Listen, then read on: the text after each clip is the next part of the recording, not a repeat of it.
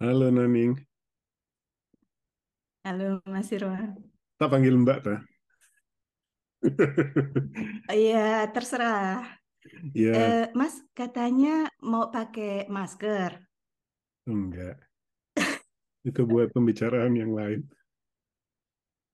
Jadi, terima kasih sudah di- sudah datang untuk menemani ngobrol kali ini, Mbak Naning Syed dari eh, Belgia, seorang penyair Indonesia yang bermukim di Belgia. Selain penyair, juga penulis buku, penerjemah, dan pegiat teater.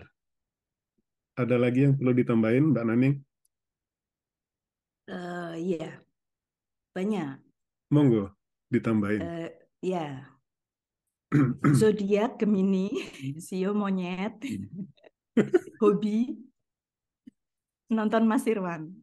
Aduh, Itu tiga poin penting. terima kasih, terima kasih. Eh, iya, seperti biasa, saya nggak pengen berforma-forma di acara ini. Cuman, eh, waktu kita ngerencanain podcast ini, menurut aku eh, ada pengalaman yang bagus banget buat aku karena akhirnya membaca ulang buku yang cukup dominan pengaruhnya ketika aku masih lebih muda, jauh lebih muda. Karena itu faktor penting eh, yang aku Hmm, temukan ketika membaca ini lagi.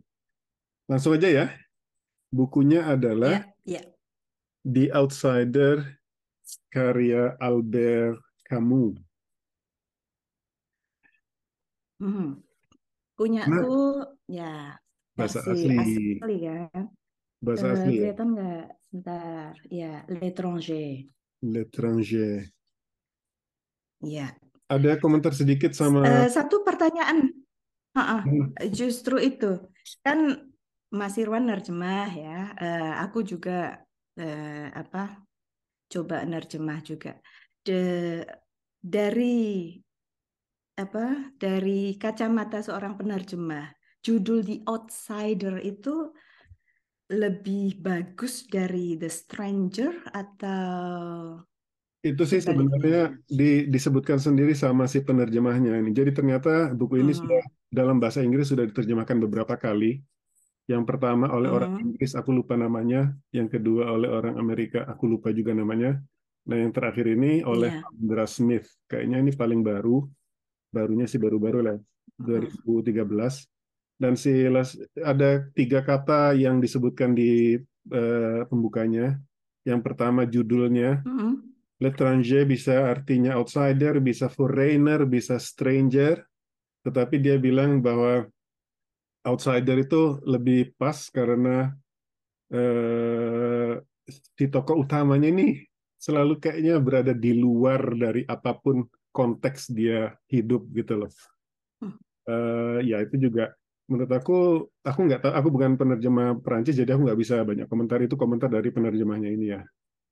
Terus ada lagi hmm, soal eh, mamam, mama, dia ide mau diterjemahkan mother atau mami gitu kan ya. Dan nanti kita bisa sentuh. Hmm. Tapi sebelum itu, Oke. aku pengen tanya dulu, kenapa Mbak Naning milih buku ini? Eh, sebetulnya itu pilihan kita ya, Iya, ya toh. aku kan setuju-setuju aja. Oh gitu ya. T- sudah konsen kan dengan Udah, pilihan sudah. kita. Iya. Jadi ya kita kan awalnya eh, mau ba- mau bahas buku apa gitu kan. Mm, Ya karena kebanyakan buku-buku yang ada di sekitarku adalah berbahasa Prancis, itu yang membuat agak ada jarak antara apa ketersediaan itu ke dalam bahasa Inggrisnya. Terus ya sudah Albert Camus gitu aja yang Mm, eh, waktu itu kan aku juga sudah pernah bahas Madame Bovary-nya Flaubert. Jadi masuk dibahas lagi gitu. Oh iya iya iya. Ya begitulah. Iya, itu itu kronologi kita kan, ya. Jadi Jadi dan juga ini juga buku bagus sekali gitu. eh, sangat bagus sehingga harus eh, ya merit untuk eh, dibicarakan lagi gitu. mm, apakah udah baca buku ini sebelumnya? Oh iya, iya, iya. Uh, uh, sekitar dua kali sebelum ini. Oke. Okay.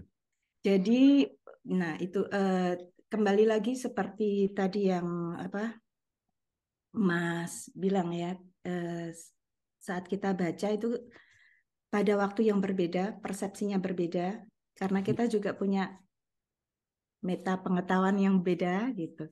Hmm. Awal baca itu uh, sekitar waktu barusan datang dengan apa bahasa Prancis yang terbata-bata gitu. Oh, langsung ke versi Jadi, asli ya bacanya? Ya, ya, waktu masih belajar bahasa Prancis itu. Jadi eh, apa? Um, sebentar satu menit, satu detik.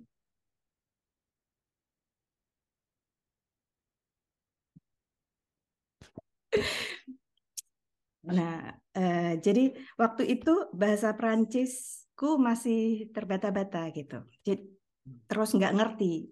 Apalagi mak maknanya di sini kan absurd ya. Jadi ya ini absurd banget gitu.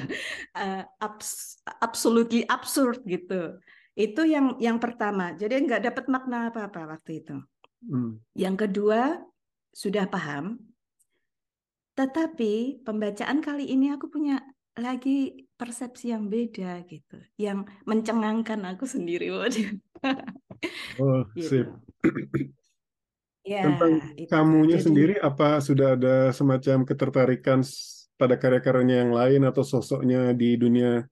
Saya nggak tahu ya kalau di dunia luar bahasa Prancis, kamu ini selalu kalau kamu mengaku penggemar sastra Prancis, kamu itu nggak pernah absen dari judul buku yang pernah mereka baca.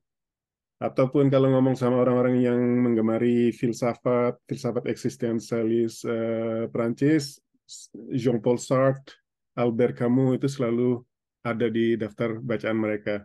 Apakah Mbak Naning punya pengalaman semacam itu juga sebelum membaca itu? Sebelum membaca ya. kamu? Um, uh, ya karena apa aku terus terang aku pembaca awal. Jadi dulu nggak pernah hobi kayak Mas Irwan suka baca gitu. Jadi membaca bagiku adalah kebutuhan gitu. Eh, pragmatik sekali kalau aku pilih buku itu bukan selalu yang berkelindan dengan apa yang sedang kukerjakan gitu. Misalnya uh, waktu di sekolah dulu uh, harus belajar tentang A gitu, langsung aku harus aku harus tahu, aku harus baca aku baca. Dari itu kan nanti ada meta reading yang lain. Ya, baca dari baca satu itu terus oh ternyata ada intertext. Ini kata-kata yang Mas Irwan agak alergi ya. Intertekstual Bukan, dengan bagus, yang lain gitu. terus eh, akhirnya baca buku yang lain itu. Terus Uh, setelah itu kan membaca lagi jurnal-jurnal dan pemikiran. Apakah pemikiranku ini uh, di, cukup logis atau diterima atau uh, menjadi kajian yang cukup bisa diperbincangkan dan sebagainya. Itu yang akan menjadi uh, mata rantainya gitu. Iya. Dan kamu ini karena awalnya dulu dulu dulu sekali waktu itu aku di Alliance Française di disuruh baca gitu eh, kamu ya sudah aku baca kamu awalnya sih sesuatu yang disuruh baca buku ini ya? Bukan buku yang lain? Ya disuruh baca. Disuruh baca itu l'étranger terus disuruh presentasi gitu. Tapi waktu itu kan ya setengah-setengah nggak nggak ngerti dan sebagainya. Ya akhirnya orang yang nggak ngerti itu kan bisanya bilang oh bagus. Oh, oh enggak gitu. Itu orang Indonesia. Sangat, sangat uh, terbatas terhadap um, terhadap vocabulary yang bagus atau uh, ya lumayan gitu ya kalau orang apa agak kreatif gitu bagus karena gitu ya tapi karenanya ini masih dalam uh, apa lingkup yang sangat-sangat uh, limited gitu. Hmm. Itu awalnya itu. Terus saat sudah uh, apa Udah menetapkan fasih. diri. Sudah ya agak fasih gitu. Atau dan itu menetapkan diri. Aku uh, aku ini sudah ketinggalan banyak dalam hal uh, membaca kan gitu. Hmm. jadi life is short. Aku nggak mau baca buku-buku yang yang yang debatable yang apa gambling. Aku harus baca buku kanon gitu. Karena life is short aku mulai banyak membaca itu kan sudah sudah usia-usia yang apa? Kalau emas kan belasan, jadi lingkupnya itu panjang sekali. Eh, jadi bacaannya juga sudah banyak. Kalau aku bacaanku sedikit, tapi aku mau yang terbaik gitu. Krem de la creme, cie. Apa? Krem de la creme. Jadi bacaan yang benar-benar bagus ya. Ini Iya karena apa itu yang membuat aku deg-degan. hmm. Aku baca baca sekilas akhirnya karena lihat Instagram Mas Irwan. Yeah. Wah, ini golek perkara Karena itu konteks aku kenal sama kamu itu dari buku ini di Indonesia. Sudah diterjemahkan oleh Gramedia hmm. sekitar akhir hmm. sekitar tahun 90-an Terus kayaknya aku bacanya itu menjelang milenium gitu loh, pergantian milenium. Itu sebenarnya buat kayak gayaan aja. Tapi tapi kita kita akan ngomong itu lagi nanti. Kita balik ke di yeah. outsider dulu. Jadi Mas Mas Irwan itu baca mitos apa itu kalau dalam bahasa Indonesia myth the, mitos Sisyphus tulisannya. Mitos Sisyphus. Oke. Okay. Hmm. Dan myth. jadi Mas Irwan baca itu dulu sebelum uh, orang asing gitu sebelum aku ke Norwegia, sebelum aku membacanya lagi dalam bahasa Inggris, aku membacanya dalam terjemahan bahasa Indonesia waktu itu.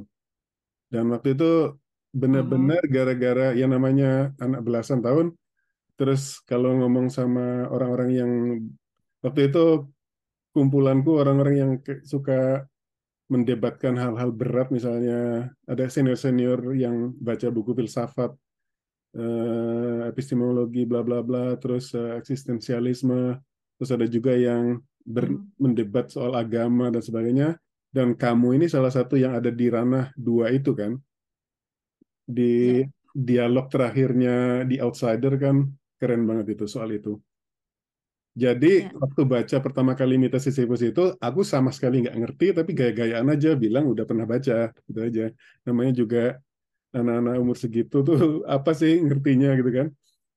Cuman ada hmm. ada yang aku bawa terus.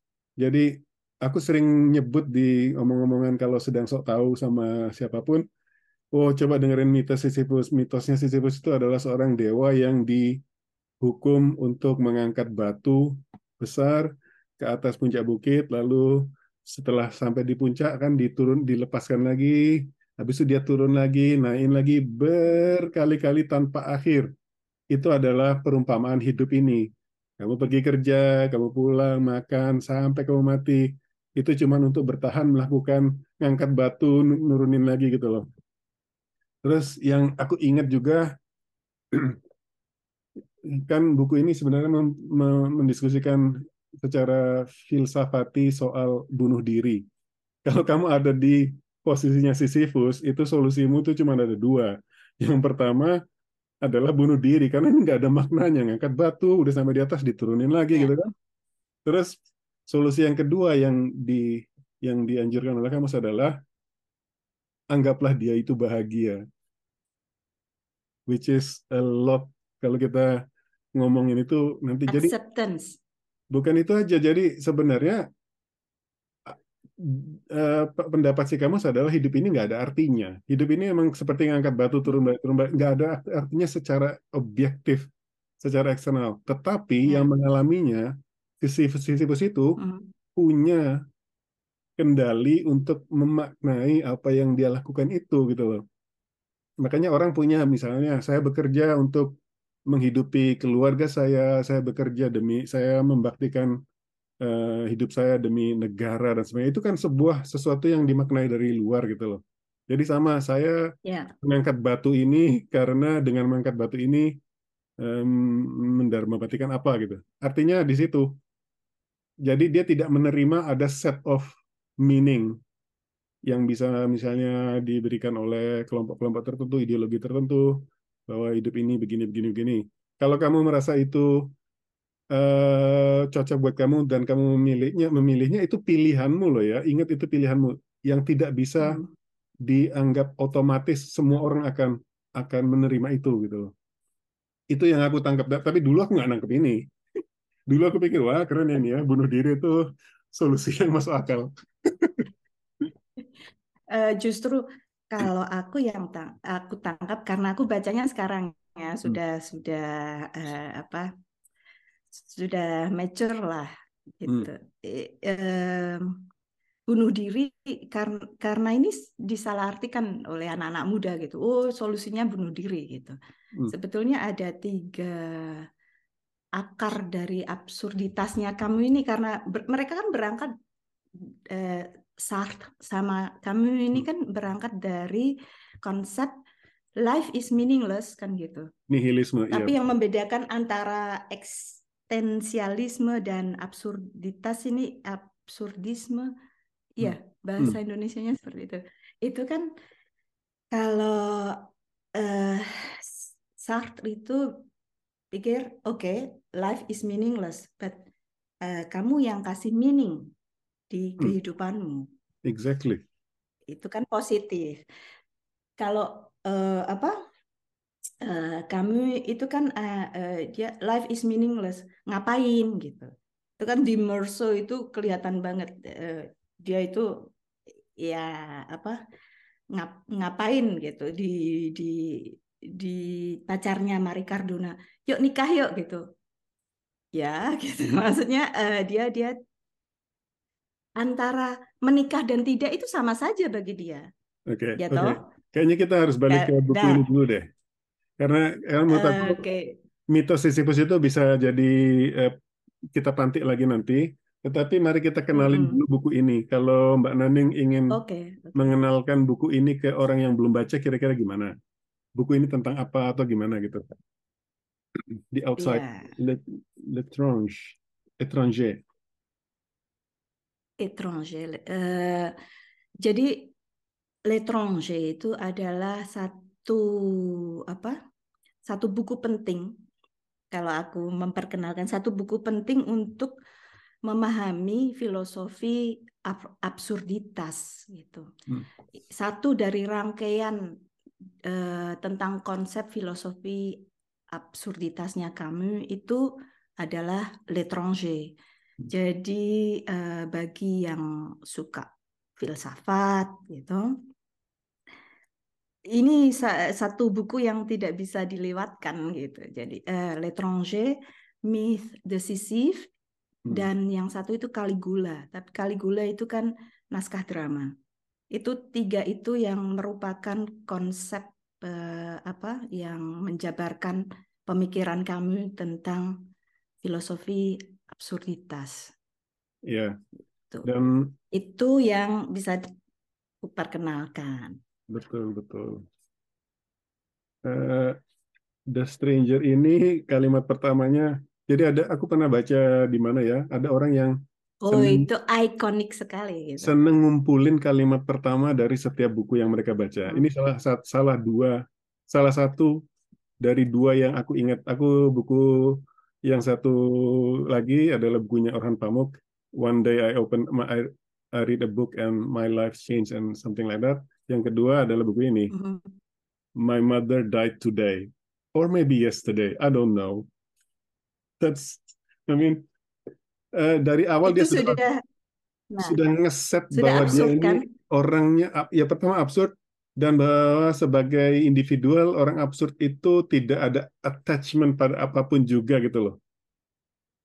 Hmm. Uh, makanya dia nah. bilang dia dia uh. seperti ada jarak sama hidup makanya outsider tadi kan. Hmm. Ya uh, itu kan apa kalau istilahnya di sastra itu kan linkipit ya. Jadi linkipit yang sangat uh, emblematik gitu. sangat tuh? ikonis. Eh, cie gitu. Jadi eh aujourd'hui maman est morte ou peut-être hier, je ne sais pas. Itu kan Hmm. wah semua orang tahu gitu. Jadi kalau apa ada eh, quiz-quiz gitu, aujourd'hui maman est morte. Itu sudah ah itu kamu gitu, l'étranger.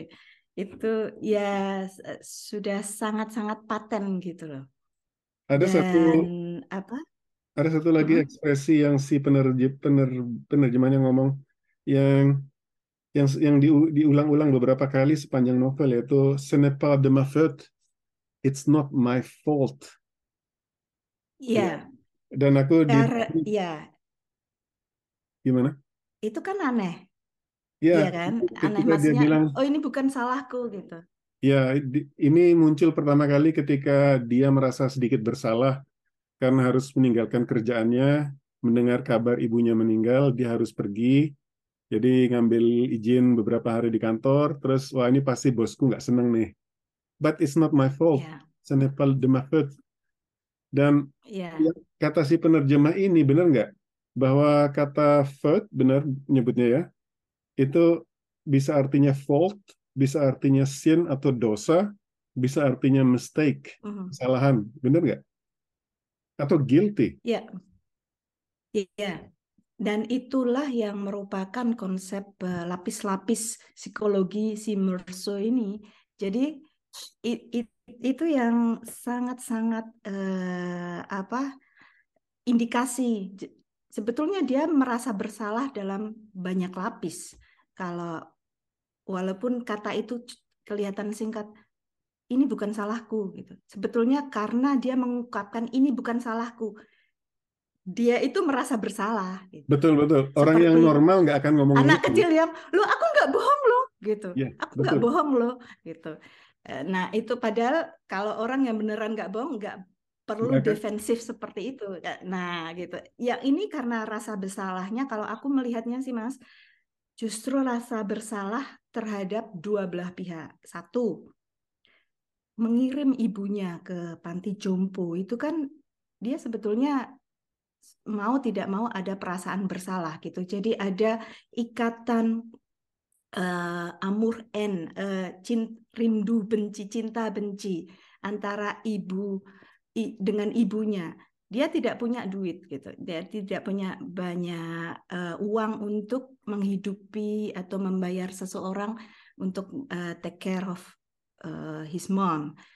Akhirnya dia kirim ke panti jompo. Itu sudah perasaan bersalah. Dan saat itu kalau pembacaanku dia eh, meraba-raba. Apakah karena itu ibuku eh, apa meninggal karena dia tidak bahagia atau apa gitu. It- itu sudah perasaan guilty awal. Habis itu dia harus ambil ini, ambil eh, cuti, terus meninggalkan pekerjaan. Eh, jadi perasaan bersalah yang kedua. Dan semua hal-hal sepele itu, hal-hal seperti yang apa sikap-sikap Meursault yang sepele-sepele ngerokok, terus minum Minum lait, eh, Nggak mau itu kan lihat, nggak mau lihat ibunya, nggak mau lihat nggak mau lihat ibunya. Ya. Nah, itu perasaan-perasaan sepele yang akhirnya membuat dia bersalah di pengadilan. Ya toh? Itulah konsepnya. Jadi Lin Kipit ini Lin Kipit ini membuka prolaps. Jadi mabuk lah. Em, jadi membuka, memberi antisipasi hal ini bukan ini teknik yang sangat jenius sebetulnya. Eh, aku melihat dari sisi penulis ya. Teknik yang jenius. Dia sudah menyebar eh, kata-kata yang kelihatan sepele itu itu menjadi sesuatu yang aku tidak bersalah. Itu menjadi sesuatu yang bersalah pada eh, bab kedua ya, pada ya kan ba- eh, Ketika dia bukan party one, party eh, du- ada dua dua belah buku kan. episode kedua dan Eh, inilah ya. episode kedua. Nah, itu pada pada saat pengadilan dan sebagainya, hal-hal sepele itulah yang membuat dia dinyatakan bersalah. Kalau aku bacanya agak berbeda. Soal Hmm. dia yang ngomong pas de ma faute, uh, it's not my fault, terus yang berkali-kali ketika menurut aku itu irritation, itu rasa dia terganggu karena ya buat yang belum baca ceritanya adalah si si Merso tokoh utamanya ini eh, mendapat kabar ibunya meninggal habis itu dia pergi ke tempat panti jompo ibunya tinggal di sana. Terus dia berinteraksi dengan orang-orang di situ. Orang-orang di situ bilang mau lihat nggak jenazah ibumu sebelum petinya dikunci dan sebagainya? Dia menolak. Habis itu dia ketiduran di situ dia minum kopi dia merokok.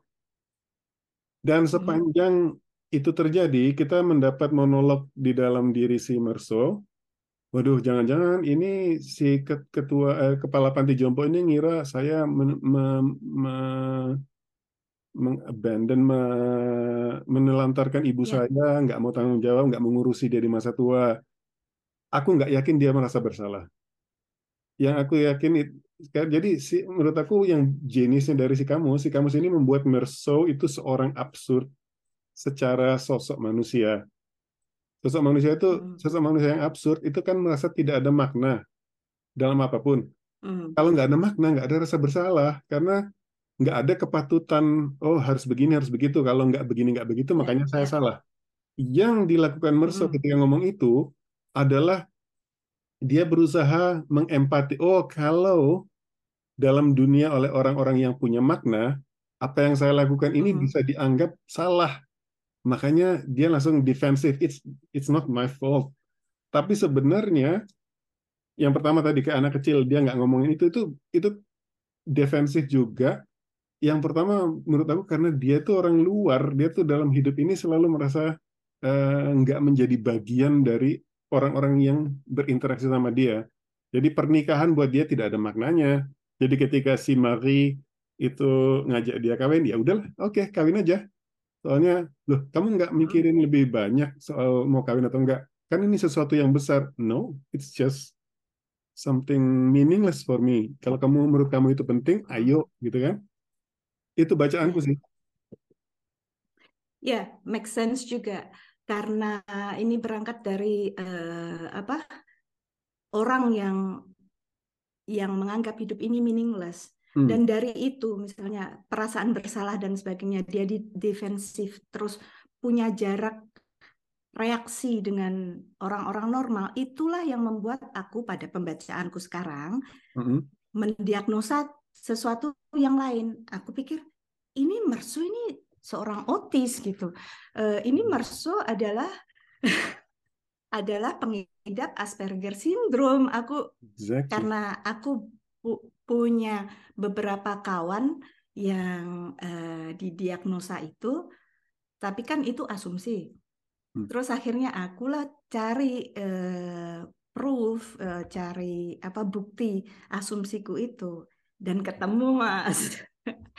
Itu Yes. eh, ya akhirnya ketemu. Ak- Aku aku cari ap- eh, apa ciri-ciri eh, diagnosa untuk orang yang dianggap otis gitu. Aku buka lah itu jurnal-jurnal klinis gitu. Terus eh, itu kan juga ciri-cirinya seperti itu. Dia tidak menampakkan emosi, dia eh, tidak tidak apa bereaksi sama seperti seseorang yang punya neurotipikal gitu. Jadi kalau orang lazim gitu kan ini aneh gitu. Hmm. Eh, terus akhirnya itu di jurnal apa American eh, Journ- National Journal itu ada seorang yang be- apa belajar medikal itu memberi contoh Merso adalah pengidap Asperger syndrome gitu. Kenapa dia bilang seperti itu? Selama ini orang hanya melihat dari sisi filosofi, karena buku ini selalu dibedah berulang-ulang dari sisi filosofi, dari sisi politis juga dari si kajian sastra, tapi mereka lupa ini adalah ciri-ciri klinis orang yang mengidap Asperger syndrome. Kenapa tidak terdeteksi? Karena buku ini dibuat pada tahun 1942. Hmm. Sedangkan uh, apa nama uh, Asperger syndrome itu dari Hans Asperger yang dia uh, apa menyatakan penyakit kan penyakit ya maksudnya uh, diagnosa ini pada tahun 44. Jadi sebelum si apa si penyakit ini di, diberi nama, diberi label, sebetulnya kami itu sudah memberikan observasi yang mendalam terhadap seseorang dan eh, orang ini yang dideskripsikan ini Merso ini adalah temannya kamu. Namanya siapa ya? Uh, Peter Go oh. ada kok namanya? Ini uh, dari ya itu okay. ya itu uh, ada ada namanya. Uh lupa. Siapa? Uh, itu teman-temannya Sartre. Misalnya saat itu ada satu jurnal nanti dia aku kasih uh, linknya ya. Hmm. uh, ada satu jurnal menyatakan kamu itu sebetulnya sedang mengobservasi teman ini. Misalnya teman ini bisa di acara ulang uh, tahun baru itu semuanya kan ngobrol dan sebagainya. Dia bisa tidak mengatakan satu kata pun. Gitu. Jadi diem saja. Dan tiba-tiba kadang sangat agresif hidupnya gitu. Dia menonton kucing yang sedang bermain. Kadang dia lempar sesuatu. Kalau kena gitu langsung dia bahagia gitu. Jadi hal-hal yang aneh eh, yang penunjukan ya kalau kita melihat secara normal itu kan agak aneh gitu. Jadi itu yang akhirnya aku cukup cukup bangga dengan diriku sendiri. Diagnosaku masuk gitu. Ini Dan juga kalaupun ini juga realisasi yang ingin aku tampilkan di akhir sih sebenarnya karena aku merasa eh, realisasi seperti ini akan menegasikan keseluruhan filsafat eksistensialisme atau absurdisme deh karena eh, itu faktor yang penting yeah. banget soal soal kesehatan tapi yeah makanya aku dari tadi tuh menahan diri untuk nggak memulai dari itu uh, ya tapi hmm. karena sudah terlanjur kita masuk langsung masuk aja ya yeah. Uh, yeah. yang pertama aku nggak suka sama si Merso ini Merso ini orang yang uh, oke okay lah kamu nihilis tetapi ketika penggambarannya hmm. secara penggambaran nihilisme di orang ini itu orang ini pasti nggak menyenangkan to hang with makanya teman-temannya itu teman-teman yang aneh-aneh aja pacarnya juga yang nggak melihat orang ini kosong, nggak ada apa-apanya, iya aja semua gitu kan. Dan dia hanya merespon sama uh, apa namanya insting-insting yang fisikal, mau pleasure, mau bercinta, mau berenang, mau makan gitu kan, nggak ada nggak ada makna hidupnya. Tetapi menurut aku itu terlalu karikatural karena uh, misalnya di banyak oh, banyaklah yang kita bisa lihat di di ranah-ranah lain misalnya di ranah komedi dan sebagainya orang yang sebenarnya berpaham uh, itu nihilisme dan sebagainya tetapi nggak se nggak se irritating si se annoying si Merso so it is possible itu kalau ngomongin hmm. penggambaran si Merso yang terlalu karikatural yang terlalu exaggerated di satu sisi dia akan Sebentar. nanti eh, merso-nihilisme atau absurdisme?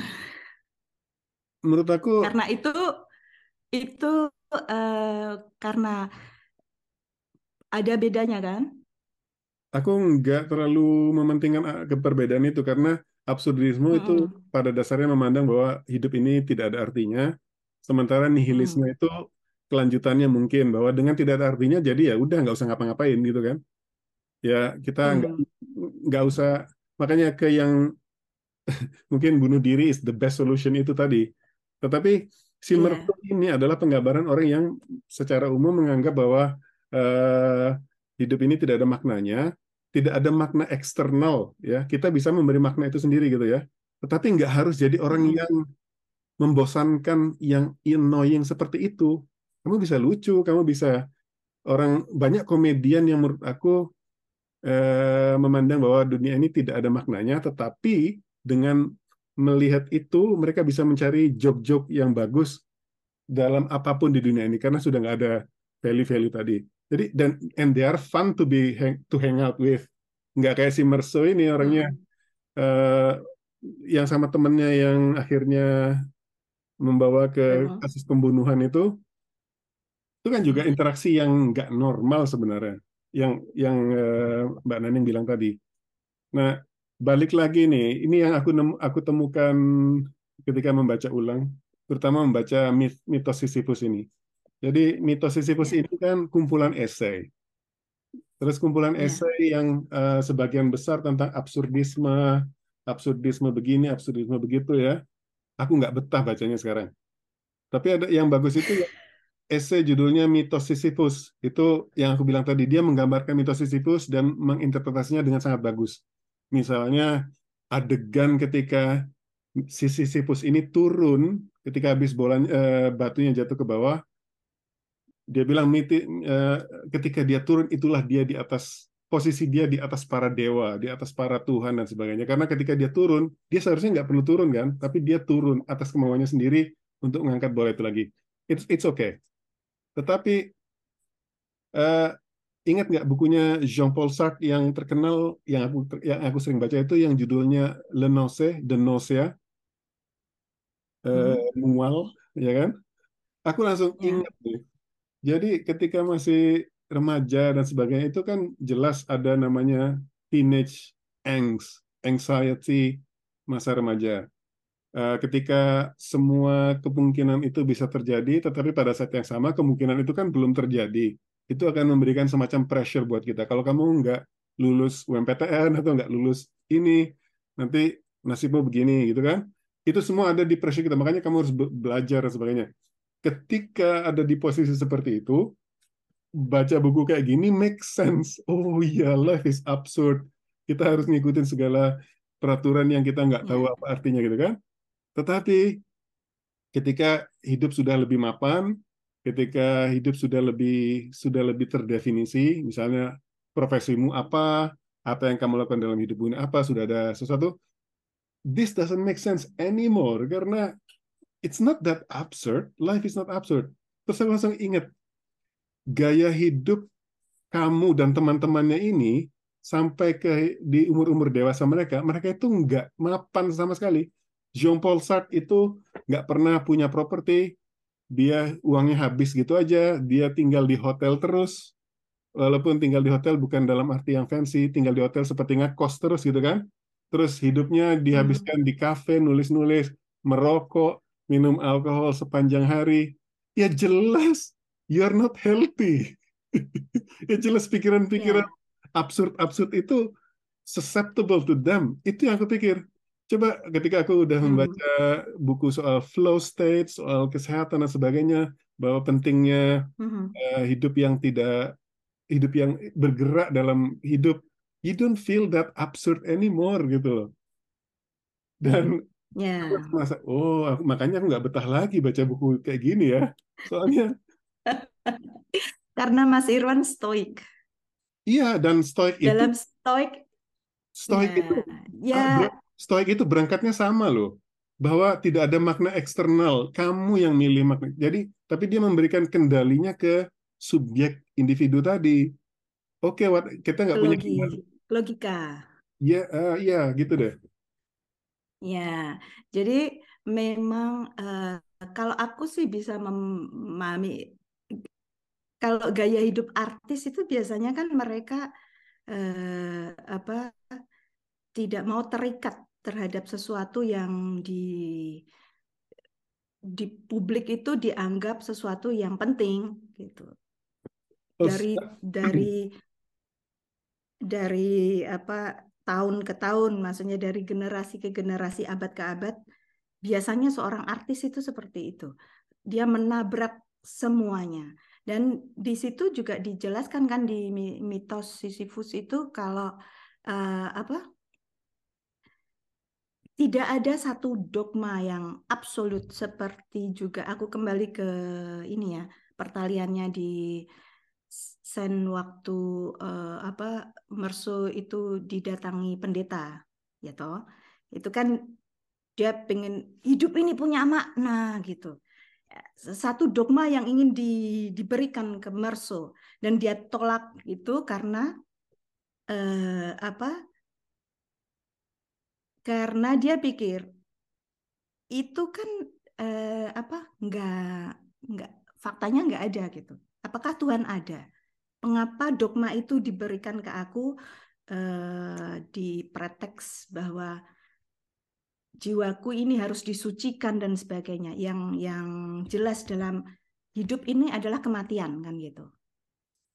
Nah, jadi it, kalau aku sih menganggap yang absurd itu sampai sekarang pun banyak yang absurd dan di sinilah di sinilah absurditas itu menurutku jadi penting karena tidak ada satu dogma yang absolut. Misalnya Mas Irwan sebagai seorang stoik yang uh, esensi hidup kan berarti berangkat hidup ini punya esensi. Ini ini percakapan filsafat.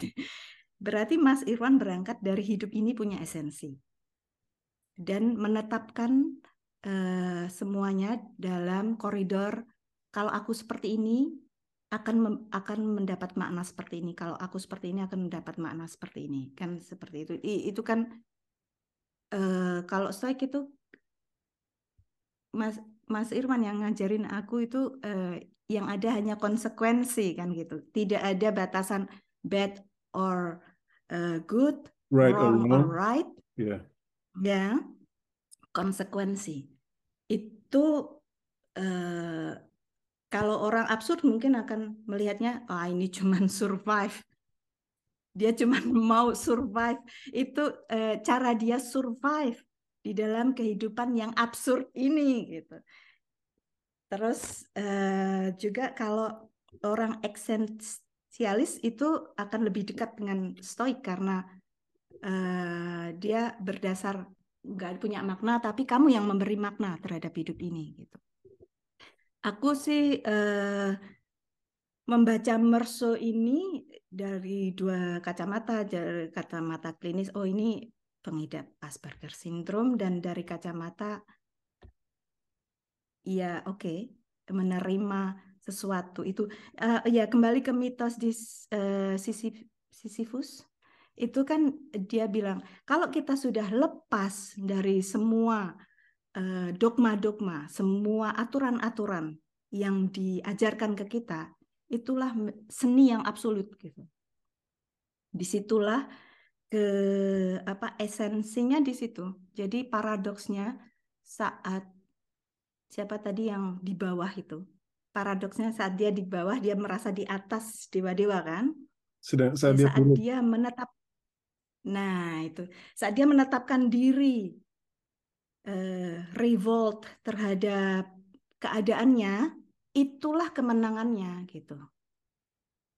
Itu kan di di buku kami selanjutnya Lom Revolt, Revolte itu kan yang menggarisbawahi sikap itu. Jadi ini kan konsep awal kami L'étranger itu yang tahun 42 Terus saat itu Sartre baca ini, terus akhirnya kan mereka kenalan dan dekat dan eh, apa konsep bersama hidup dalam gaya absurd bersama kan gitu. Eh, sama Simone de Beauvoir juga kan gitu. Itu mereka tidak ada hidup yang stabil tetapi konteksnya kan juga Perang Dunia Kedua waktu itu, di tengah-tengah Perang Dunia ya, Kedua. Nihilisme itu terus terang yang bisa dimaknai saat itu ya konsep Perang Dunia Kedua itu ketika mm. manusia bisa saling menghancurkan satu sama lain, akhirnya nilai-nilai yang sebelumnya dianggap tidak akan bisa misalnya uh, nilai kemanusiaan dan sebagainya ternyata bisa loh di dilanggar. Makanya nihilisme itu mm. kan dan di, misalnya di mana ya. Tuhan ketika terjadi pembantaian semacam itu gitu kan uh, ya, jadi, ya, ya. jadi pembacaan itu Nietzsche Tuhan, Tuhan itu mati Tuhan uh, sudah mati kayaknya sebelum perang dunia deh jadi enggak enggak, enggak tapi tahu. yang terkenal nihilisme kan dia Ya, lagi-lagi Nietzsche itu dimasukkan ke panti eh, rumah sakit jiwa loh ada akhir hidupnya. Jadi aku balik lagi kembali ke itu. Ya. Yang yang eh, menurut aku pada masa filsafat-filsafat itu masih mendominasi atau mungkin nggak pernah mendominasi, nggak tahu juga sih ya. Eh, karena sekarang kan aku nggak yakin berapa banyak yang identify to the, that kind of philosophy, uh, philosophy anymore.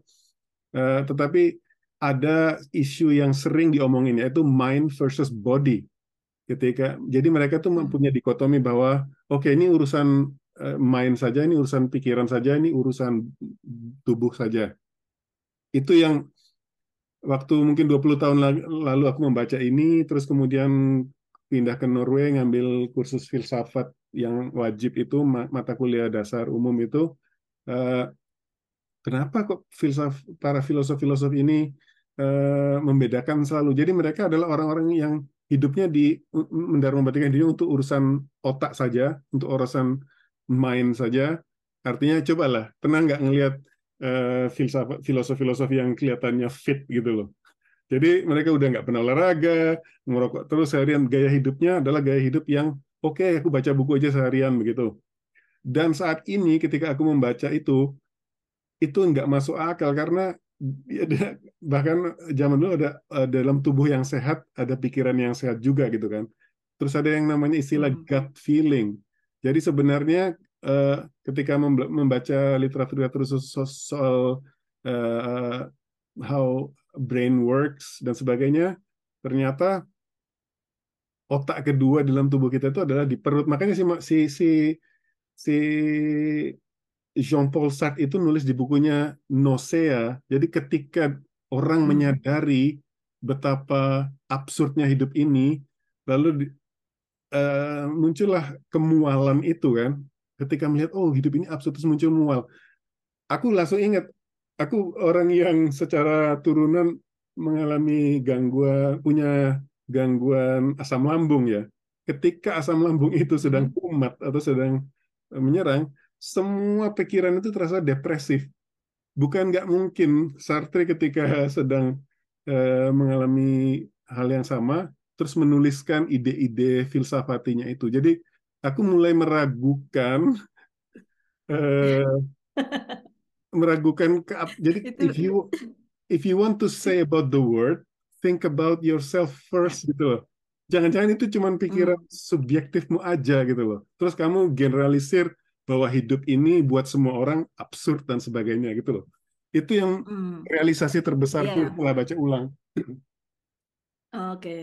Nah, itu kan juga semuanya kan konsep uh, filsafat dan sebagainya kan memang dimulai dari diri sendiri kan yang dia rasakan. Seperti juga waktu akhirnya mereka uh, pecah kongsi lah uh, Sartre sama hmm. siapa kamu itu kan juga karena Sartre merasa loh kalau kamu itu nggak bisa apa decide karena dia merasa kamu itu kan orangnya ragu-ragu gitu nggak bisa decide ya mungkin karena kamu nggak pikiran tentang filosofimu itu masih mentah kamu cuman sebetulnya kamu itu cuman orang yang nggak nggak bisa decide gitu kamu bukan filosof mereka berselisih karena apa sebenarnya? Uh, karena politik, ya? political choice, hmm. Uh, terus apa aliran literatur juga, dan juga cewek ya Simone de Beauvoir itu. Gitu. Secara fisik kan kamu itu kan cakep.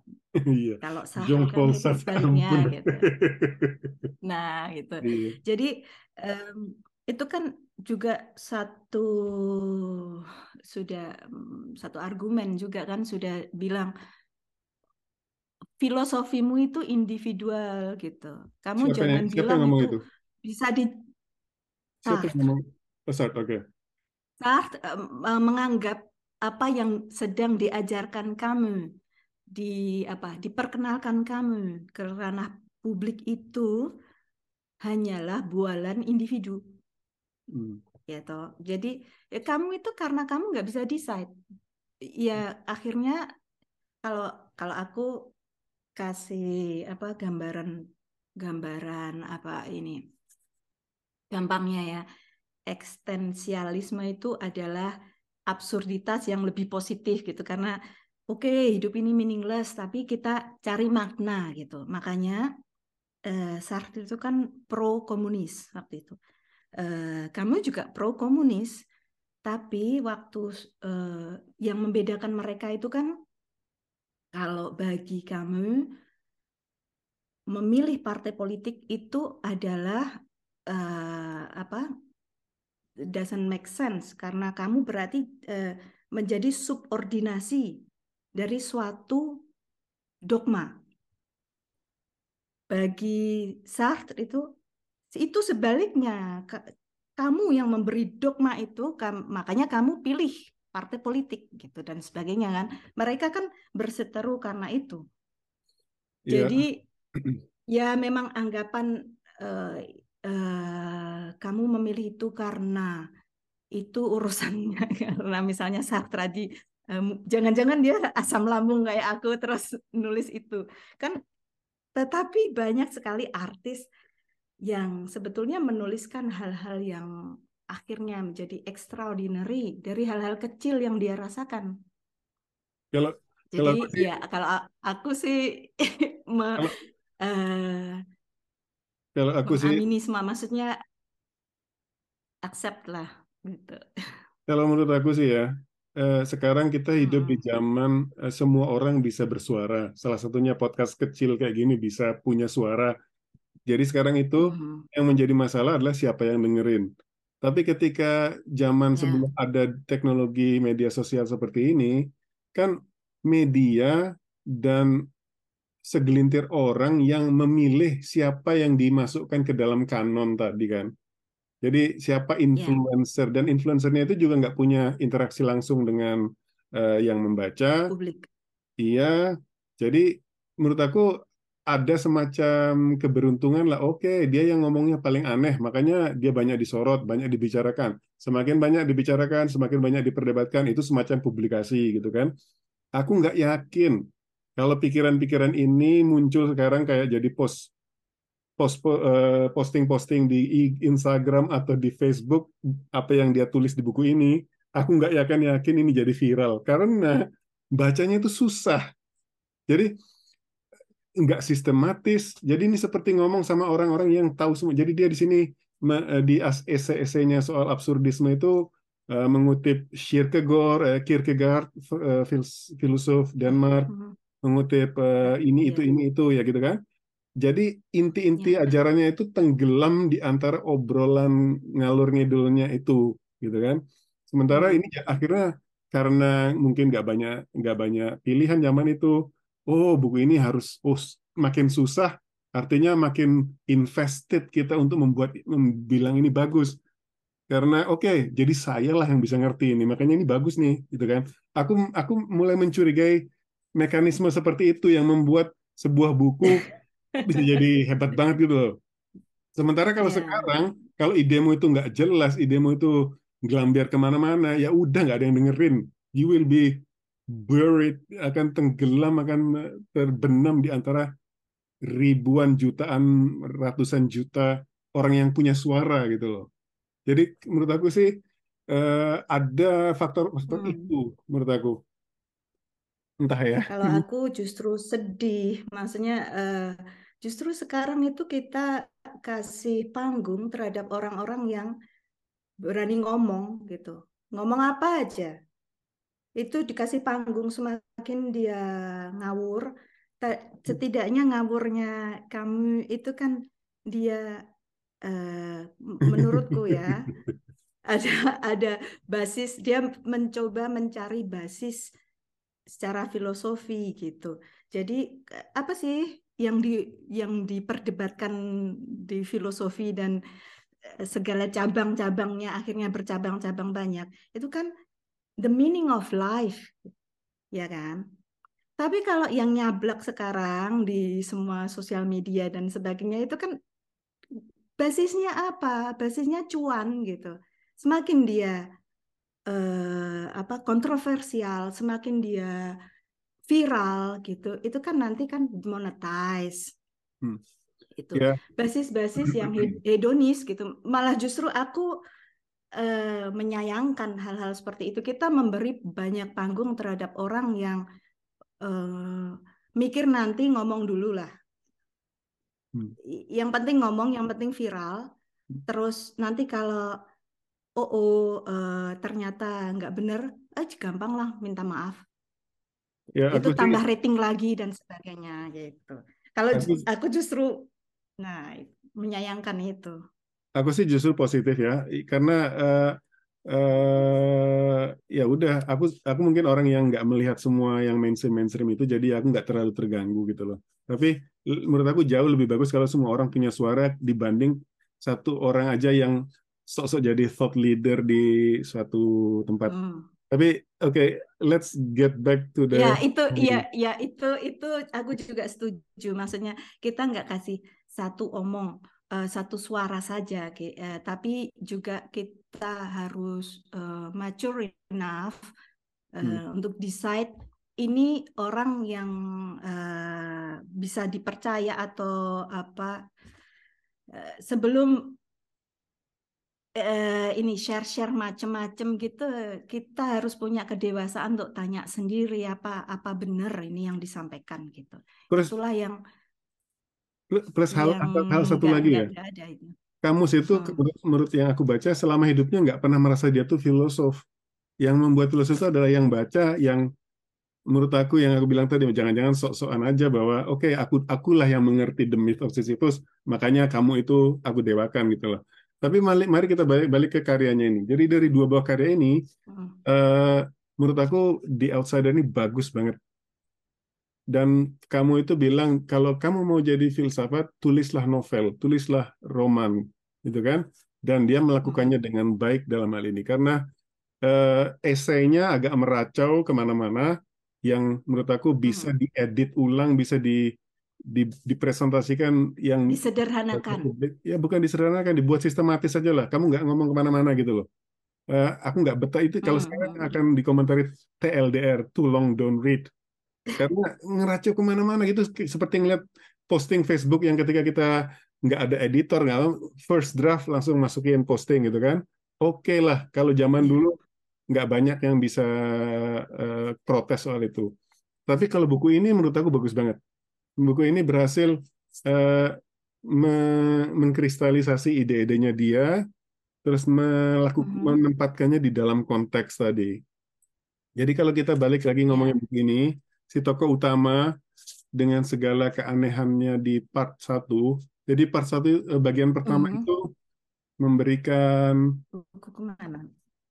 memberikan gambaran soal si yeah. Merto ini, bagaimana dia hidup jadi ketika ibunya meninggal, bagaimana dia bereaksi soal itu? Kita udah mulai me me melihat keanehan-keanehan, kejanggalan-kejanggalan. Reaksinya kok kayaknya nggak normal ya. Dan itu cukup bisa membuat refleksi buat kita karena kita merasa kita tahu bagaimana bagaimana reaksi yang normal itu gitu kan. Sementara dia di luar prediksi kita reaksinya aneh banget. Yang uh, Mbak Naning bilang mungkin autis dan sebagainya. Aku sih nggak akan sejauh itu karena autis itu diagnosa itu diagnosa gitu loh. Nggak, uh, orang yeah. bisa melakukan tindakan-tindakan autistik, tetapi belum tentu dia mengidap autisme. Seperti banyak. Ya, itu setuju, setuju. Kita, yeah. kita pun uh, autis di in this uh, some degree, ya kan? Sama, oh, enggak menurut aku itu, menurut aku itu um, uh, sedikit penyalahgunaan istilah seperti banyak sekarang schizofren you are schizophrenic schizophrenic activity. Jadi kata sebelum kata iya. autistik yeah. diperlakukan seperti itu, kata schizofren diperlakukan seperti itu. Jadi ada oh tindakanmu, oh kamu kayaknya ngelihat sesuatu yang enggak, oh kamu schizofren. Itu cepat banget publik karena hmm. itu sedang populer. Aku sih nggak nggak merasa heran. Karena seperti sekarang artificial hmm. intelligence diomongin di mana-mana sebagai orang yang ada chat GPT dan sebagainya sebagai orang IT aku bilang oke okay, kamu ngomong-ngomongin terserah lah terserah lah gitu nggak semuanya benar memakai kata itu gitu balik lagi ke si hmm. Merso ini dia punya pacar jadi dia pacaran begitu kembali dari eh, penguburan ibunya dia langsung pacaran habis itu dia eh, eh, bersenang-senang lah dia nonton film komedi itu kan disebutin di situ juga yang akhirnya di ketika lalu dia berteman dengan seorang yang abusive terhadap perempuan di tempat kos-kosannya itu. Dia menuliskan surat untuk menjebak si perempuan itu datang ke rumahnya si laki-laki tadi dan laki-laki tadi itu melakukan apa yang dia rencanakan yang jahat menurut aku. Mereka bercinta, habis itu dipukulin, terus dia pergi dan uh, si perempuan pacar tetangganya itu orang Arab ya? Orang Arab. Iya, akhirnya ya.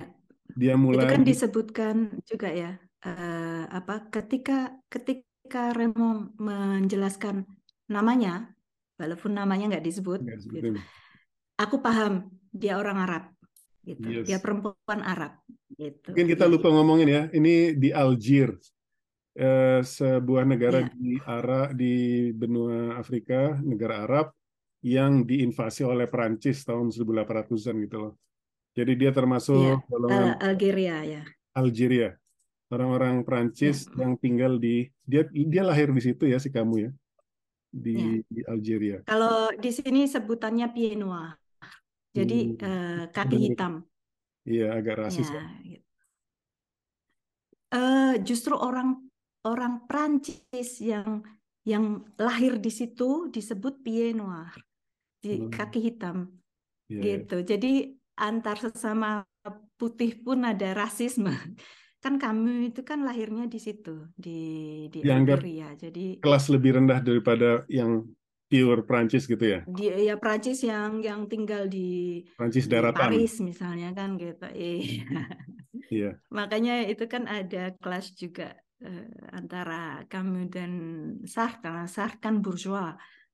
Nah, ah, kalau kamu itu kan iya. orang jelata kan gitu. Ya, ya. gitu. Ada ada uh, financial force di situnya juga.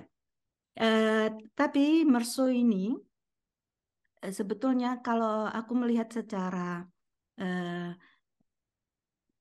kajian yang lebih lebih dalam dari segi teknik, uh, ada hal-hal simbol-simbol semiotika di di buku ini bahwa perasaan mersu itu sebetulnya digambarkan dari alam yang dia lihat dari matanya. Ya tahu waktu saat misalnya ini di apa uh, dia melihat waktu perjalanan perjalanan penguburan ibunya hmm. itu kan juga simbolik sekali uh, perjalanan inisiasi menuju absurditas itu jadi Inisiasi maksudnya uh, perjalanan awal menuju absurditas. Jadi ini juga simbol uh, kalau di kajian semiotika itu merupakan satu simbol.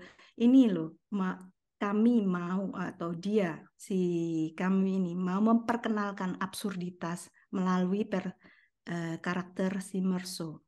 Dia kan berjalan terus melihat pemandangan di sekitarnya, itulah yang sebetulnya dirasakannya karena dia kan narator. Point of view-nya dia, yang dia lihat itu apa yang dia rasakan. Di nggak tahu dalam bahasa peran eh, dalam bahasa Inggrisnya dia di outsider yang Je regardais la campagne autour de moi à travers les lignes de chiffres qui menaient aux collines de près du ciel, bla bla bla itu. Itu di bagian berapa? Bilang, uh, uh, di bagian awal sih. Kalau bagian, bagian satu bagian bab... awal yang yang penguburan uh, waktu dia berjalan aku melihat pemandangan di sekitarku terus melintasi barisan pohon pepohonan cemara yang ya, menuju ya. Aku, bukit di aku dekat langit dan sebagainya itu terus aku melihat warna tanah kemerahan dan hijau aku mengerti ibu kan gitu. Terus uh, pada sore hari dalam uh, di di negeri ini pasti seperti jeda melankolik. Sebetulnya dia itu melankolik dalam dalam apa kematian ibunya, tapi tidak bisa menerjemahkan ke dalam bahasa tubuh. Secara emosi, dia itu ada emosi yang dia lihat dari uh, ini ya. Terus le soleil débordant qui faisait tressaillir le paysage rendait inhumain et déprimant. Matahari yang membara, meng, apa, uh, membuat pemandangan bergeming dan menjadikan tempat ini tidak manusiawi dan muram. Itu kan hal-hal yang dirasakan Mersu terus saat pertemuannya dengan Mari Cardona. Itu dia melihat hal-hal yang lebih ke biru, lebih ke uh, biru itu kan warna harapan ya. L'été bleu et doré dan sebagainya. Lesia uh, langit uh, seperti matanya yang biru dan dore itu kan uh, keemasan dan sebagainya. Itu itu simbol-simbol warna-warna itu simbol-simbol perasaannya si Merso sebetulnya. Terus banyak dan Salamano. Kenapa dia menghadirkan Salamano di situ? Salamano dan anjingnya. Itu juga suat, sebetulnya suatu cerminan pertalian uh, ini sih uh, antara kehidupan dia dan ibunya Salamano dan anjingnya mereka tinggal bersama bertahun-tahun hingga kelihatan punya ras yang sama. Tapi mereka saling benci. Itu uh, adalah simbol-simbol sebetulnya yang merupakan cermin dari apa hubungan dia dan ibunya. Mereka kan ras yang sama tentu, ibu dan anak. Dan tapi mereka tidak ada pertalian perasaan yang lebih mendalam kan itu seperti Salamano waktu apa uh, apa aku harus bayar untuk cari anjing itu gitu mendingan dia mati saja itu kan seperti perasaan si Merso ini apa aku harus bayar lebih untuk uh, menghidupi ibuku? Tinggal bersamaku mending dia ke Eh, itu sih kalau aku melihat hal-hal yang simbol-simbol itu dan itu sampai dengan akhir apa novel selalu penggambaran nanti le baca ulang. Dan simbol-simbol itu akan dinamis. Bukan uh, statik. Jadi itulah perasaan seperti waktu dia membunuh si Arab dan sebagainya itu dia akan menceritakan narator akan menceritakan ini alam alam saat itu. Itu yang dia rasakan gitu. Kalau bacaanku tuh gini eh, si kamu tadi memang berusaha mempersonifikasi absurdisme ke sosok Merso kan jadi bagaimana seorang absurd itu hidup jadi dia dihadapkan Terus, kepada gimana Bentar ya mas, sorry. Ba bateraiku low. Atau, oke. Okay. Oke, okay, oke, okay, oke. Okay. Sorry, sorry, sorry. Hmm. Kok aku dapat message your battery is running low. Padahal aku charge. Iya, Mas. Ah, kurang kencang. kurang kenceng ternyata. Oke. Okay. Absurd, absurd eh, sekali sih. Absurd sekali. Oke. Okay. Kalau, kalau aku sih itu demonstrasi bagaimana Merso dihadapkan oleh kehidupan sehari-hari. Jadi bagus sih si kamu sini. Jadi bagaimana dia lihat tetangganya hmm. yang melakukan abuse, bagaimana melihat tetangganya orang yang menggantikan sosok istrinya dengan melihara anjing. Habis itu dia melihat betapa tetangganya jadi sedih, tapi selama dia melihat itu, kita kan sebagai pembaca dihadapkan kepada bagaimana Merso ini bereaksi ke semuanya itu. Tapi Merso ini hampir kayak robot. Dia nggak engage. Coba kalau orang yang normal kepada anjingnya itu kan, aduh kasihan ya, nggak ada, nggak ada kata-kata simpati. Dia cuma iyain aja gitu kan, nggak ada kata-kata menenangkan, nggak ada kata-kata nggak ada nggak ada respon-respon yang normal yang sebagai pembaca itu akan kita lakukan kalau kita ketemu itu gitu loh. Dia juga nggak merasa ingin hmm. disukai. Jadi ketika uh, tetangganya itu datang mengunjungi dia, dia oke okay, karena saya nggak ngapa-ngapain ya udah gitu loh. Jadi semuanya itu sangat hmm. detached. Makanya dia tuh outside outsider. Dia tuh kosong. Dia tuh nggak ada nggak ada iya atau enggak gitu loh. Bahkan sikapnya itu tidak positif dan tidak negatif. Itu yang membuat dia kosong, itu yang membuat dia berjarak dan outsider. Itu menurut aku. Uh, yeah. Jadi dia seperti robot otomaton gitu. Aku nggak yakin itu melambangkan apa-apa. Yang aku lihat itu adalah, oh sepanjang bagian pertama, kelihatan banget kekosongannya dia. Habis itu ketika terjadi pembunuhan yang ada hubungannya sama si temannya tadi itu, dan dia yang membunuh, bahkan ketika dia oke okay, sini mana mana uh, pistolnya itu pun itu pun aja kan semuanya nggak normal jadi misalnya ada kalimat yang adegan membunuh itu loh. Uh, he has yeah, karena any... matahari. Bukan sebelum itu. Jadi ketika uh, si Raymond bilang should I kill him? Gitu kan? Di pantai. Oh ya ya ya. Ada tiga ada tiga episode itu. Jadi iya, habis itu dia bilang Raymond bilang jangan wong dia nggak ngapa-ngapain gitu kan. Iya dia bahkan dia ngomong nggak kayak gitu. Dia ngomongnya lebih datar lagi he hasn't said iya, lebih datar. Anything, ya, ya. he hasn't said anything to you yet it ya, would ya, be ya. right Ini. to just shoot him like that mm -mm. dia nggak bilang jangan loh It, dia, nggak menyuruh ya ini jangan membunuh aku nemu ini waktu uh, apa kubunuh ya gitu Raymond terus dia bilang uh, dia belum ngomong apa-apa akan kamu jadi orang yang buruk kalau tiba-tiba kamu yang apa uh, membunuh sama pistol gitu. Itu Terus reaksi yang kedua, oh reaksi seperti reaksi seperti orang mature enough gitu, seperti orang yang healthy. Nope. itu reaksi seperti orang yang kosong. Jadi dia tidak punya nilai bahwa membunuh orang itu salah. Kalau dia ta dia hmm. punya nilai membunuh orang itu salah, bukan itu reaksinya. Stop it, stop it gitu kan. Dan dia juga nggak mau, yeah. Dia juga nggak mikir. Misalnya dia agak lebih pikiran lebih tidak detach. Dia akan bilang, oh kalau membunuh, kamu nanti masuk penjara. Masuk penjara itu artinya uh, penderitaan. Jadi setidaknya mm. dia bisa menahan mm. si temannya si Raymond ini untuk membunuh Raymond supaya dia ya. supaya dia tidak menderita di penjara nanti. Itu pun tidak dia lakukan yang diomongin tidak orang itu belum ngomong apa-apa terus kok. yang kedua itu uh, adil orang itu belum ngomong apa-apa jadi nggak adil ya udah aku insult ya gitu iya. terus yeah. ya jangan ya bukan jangan ini uh, ya seperti itu kalau dia keluarkan uh, silne pasong kuto kalau dia nggak keluarkan pisaunya jangan ditembak terus yang ketiga itu eh, apa malah menyarankan kamu kayak cowok aja deh jotosan gitu. Pistolnya sini aku bawa. Ya hmm. kan?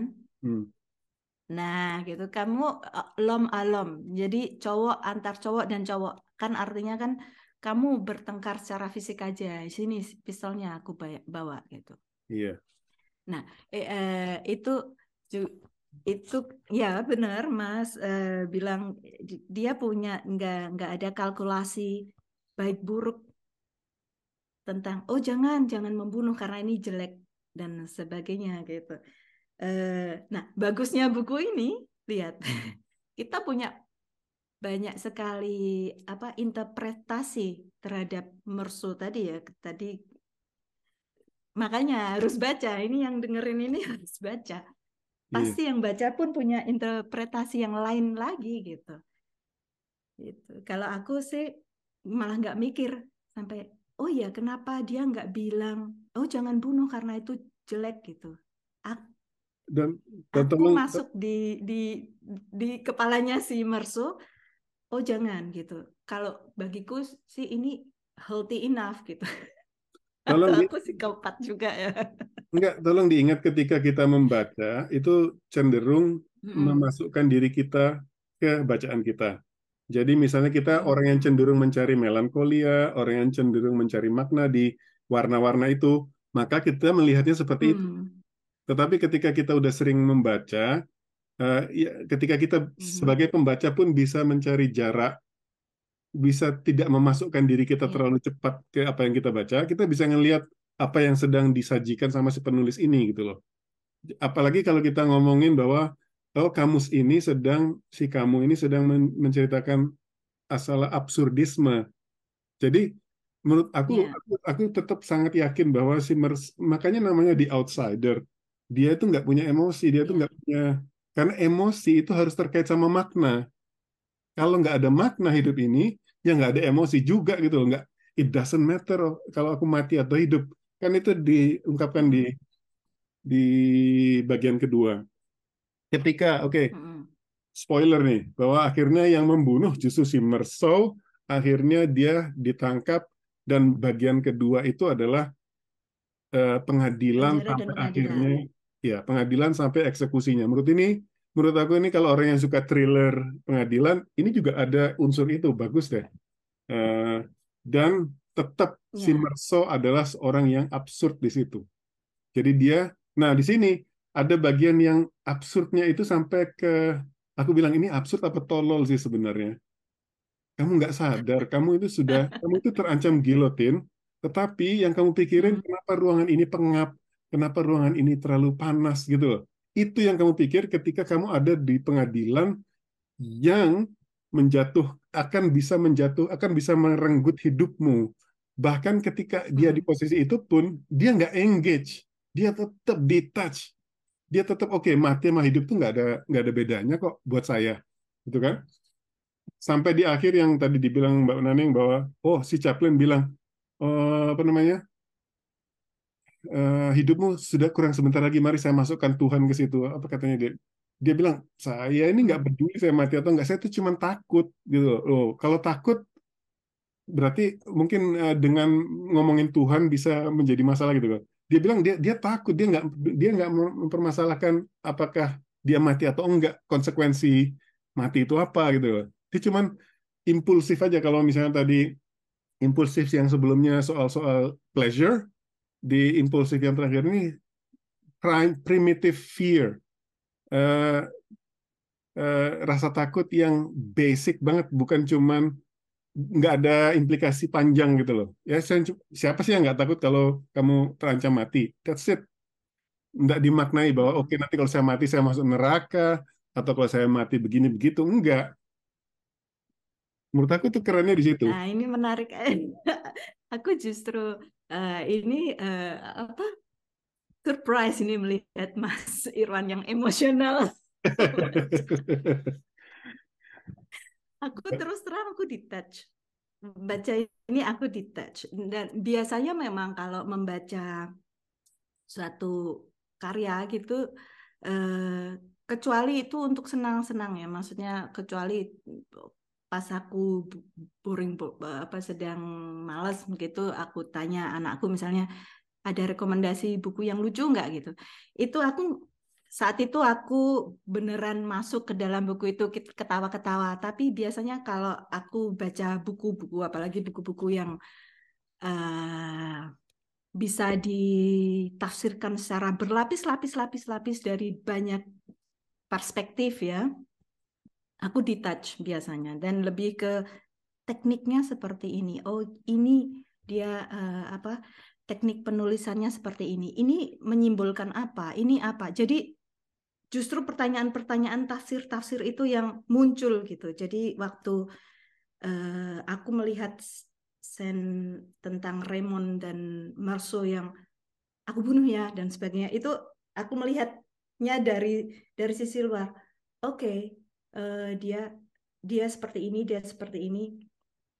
Uh, setelah itu detail-detail itu aku tulis dan aku, sama sekali tidak menimbulkan perasaan emosional seperti yang Mas Iran tadi uh, ngomongnya aja passionate sekali gitu. Uh, aku melihat suatu emosi di dalam baca ini. Ini tolol ini. itu malah asik kalau aku lihat itu asik. Aku kenalnya Mas Irwan kan stoik gitu, detach dari. Let's let's get back to let's get back to the book. Menurut aku ya sih, kan jadi emosionalnya aku, itu jadi menarik gitu surprising Ya menurut aku sih eh, kesenangan membaca itu kan seperti itu. Kita aku aku rasa aku nggak akan bisa bertemu ya. atau berlama-lama dengan orang yang namanya Merso kalau dia ada di kehidupan hmm. karena dia tidak menyenangkan buat ngapa-ngapain. Menurut aku kalau ngomong sama Mersol, itu ujar pembacanya nggak bisa dua Ya. jam. Karena dia langsung bilang, oh ya, buat apa baca? Baca nggak ada artinya. Mau baca mau nggak, terserah gitu kan. Ya udah nggak bisa di ke mana-mana kan. Justru Iya, iya. Merso itu the opposite of engagement, the opposite of passion gitu loh. Sementara Iya. balik lagi ke absurdisme dan dan eksistensialisme, orang-orang yang akhirnya me- secara menerima bahwa oke tidak ada makna objektif, makna eksternal di dalam hidup ini, bahwa makna itu adalah kita yang subjeknya yang menentukan, itu kan? Kalau kita berpikir eh, positifnya tadi, eh, orang akan memasukkan passion ke situ, gitu loh. Nah ini yang absen Mhm. di dalam figur Merso. Merso itu nggak punya passion apa pun. Nah, hidupnya hanya Iya. uh, a series of accident, uh, ke, kes- ketidaksengajaan ketidaksengajaan, akhirnya dia terjerumus ke ke kasus ini. Nah di situ uh, lagi-lagi aku merasa ini kan novel of ideas ya, novel ide. Jadi menurut aku agak karikatural sedikit karena uh, kejadian-kejadiannya, sosok-sosoknya si orang-orangnya ini dibuat memang sengaja untuk menampilkan sebuah ide gitu loh. Tidak ada Iya. Melalui simbol-simbol. yes, Seperti seperti dia waktu nembak itu kan ditambah empat kali gitu. iya, Terus setelah itu eh, coba deh di akhir kata itu di akhir episode 1 dia bilang aku mengetuk pintu lapor de malheur. Apa itu? Mengetuk pintu on the fatal door keburukan? of destiny, pintu nasib, nah the fatal yang door of secara destiny. simbol orang yang mengetuk itu kan pengen masuk ini act of suicide sebetulnya dia kan pengen masuk itu pengen masuk ke dalam ya dunia lain Mungkin Ya itu kan? yang nggak karena ter- dia itu nggak ada kata mengetuk Nggak sih di di edisi Inggrisnya. Dia di, di edisi Inggrisnya ah, and it was as if I had rapped sharply four times. Oh iya, rap itu yang mungkin yang mengetuk ya. On the fatal ya. door of destiny. Dan nah nggak itu dijelasin sih sebenarnya kenapa dia nambahin empat kali itu. Menurut aku itu eh, cara si kamu aja untuk membuat dia nggak bisa nggak bisa mengelak di pengadilan. Iya, absurdnya di situ. Ja- eh, ya, untuk apa mem- memperkenalkan absurditas tadi. Mm-mm. Jadi itu ya eh, apa mengetuk pintu nggak tahu. Aku ini coba cari di Ipusnas diterjemahkan sebagai apa gitu loh. Maksudnya hal-hal itu kan key-key penting ya, eh, kunci-kunci penting eh, sebelum menerjemah, ya kan? Karena nggak cuman eh, bahasa tapi lapisan-lapisan maknanya di balik itu. Seperti juga makanya ada di Outsider. Waktu aku lihat bukunya Mas Irwan yang versi Inggris itu di Outsider, ah ini lebih mewakili daripada The Stranger karena Hmm. dia orang luar. Tapi aku cari di kamus eh, online, ternyata dari The Stranger itu punya menampilkan sisi emosi orang yang tidak bisa engage. Coba deh cari. Ada ada notion itu. Jadi kalau outsider cuman orang yang di luar eh, masyarakat, orang yang di luar eh, dari sesuatu yang fisikal kalau menur- menurutku. Tapi kalau eh, definisi stranger itu ada definisi mental gitu. Makanya di di terjemahan bahasa Indonesia yang awalnya kan orang asing gitu. Hmm. Terus yang pernah diobrolin sama Eka Dalanta itu bukunya judulnya Orang Aneh. Aku cari juga itu eh, orang asing itu terbitan Pustaka Obor, eh, terbitan lama ya. Kalau terbitan sekitar tahun 2010 hingga sekarang itu judulnya Orang Aneh. Kalau menurutku uh, kalau aku disuruh milih, semisal aku penerjemahnya, aku akan memilih orang asing karena ini debatable. Kalau orang aneh itu kan seperti judgment, ya kan? Hmm. Judgment si penerjemah terhadap tokoh mersu ini dan ini uh, sebut kalau menurutku lebih baik pembaca yang yang menafsirkan bukan kita yang uh, judge gitu itu sih. Ya jadi sayangnya ini Ipusnas nggak tahu kenapa nggak bisa dibuka punya aku. Aku penasaran gitu ini terjemahannya apa? Ini terjemahannya apa? Tiap kali eh, apa? Tiap kali lihat gitu. Misalnya sempat lihat majikan gitu. Bosnya kan majikan.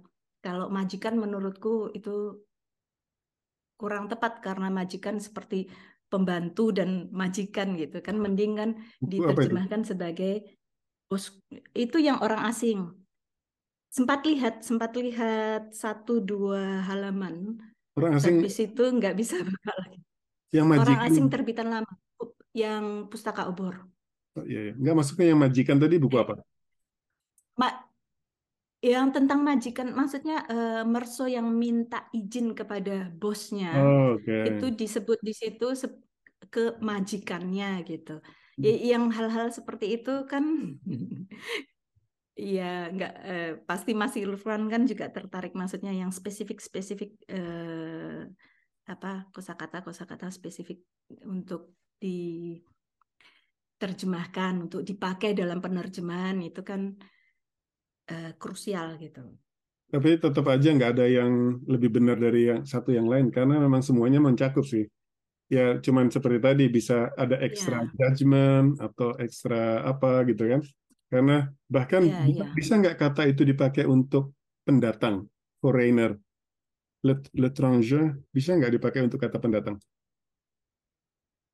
Orang ya, asing sebetulnya bisa saja kalau kita ya, melihat kan? secara uh, apa geografisnya kamu itu kan orang asing foreigner kan di hmm. Algeria.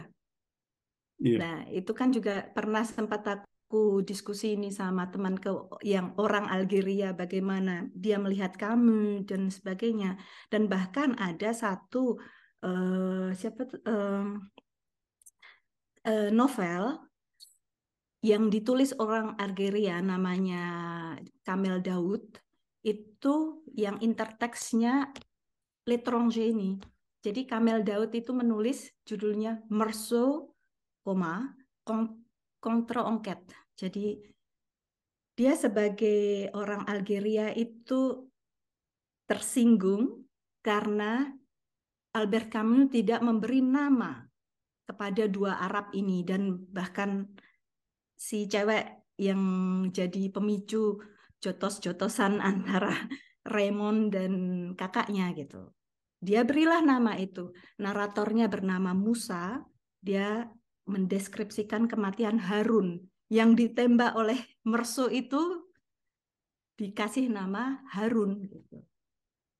Ya, it, itu juga uh, pe, apa interviewnya Kamel Daud itu bilang ini uh, aku memberi penghormatan kepada kamu gitu tapi banyak yang menyaksikan karena in Merso itu digambarkan sebagai orang yang sebetulnya rasis, sinis, dingin. Gitu.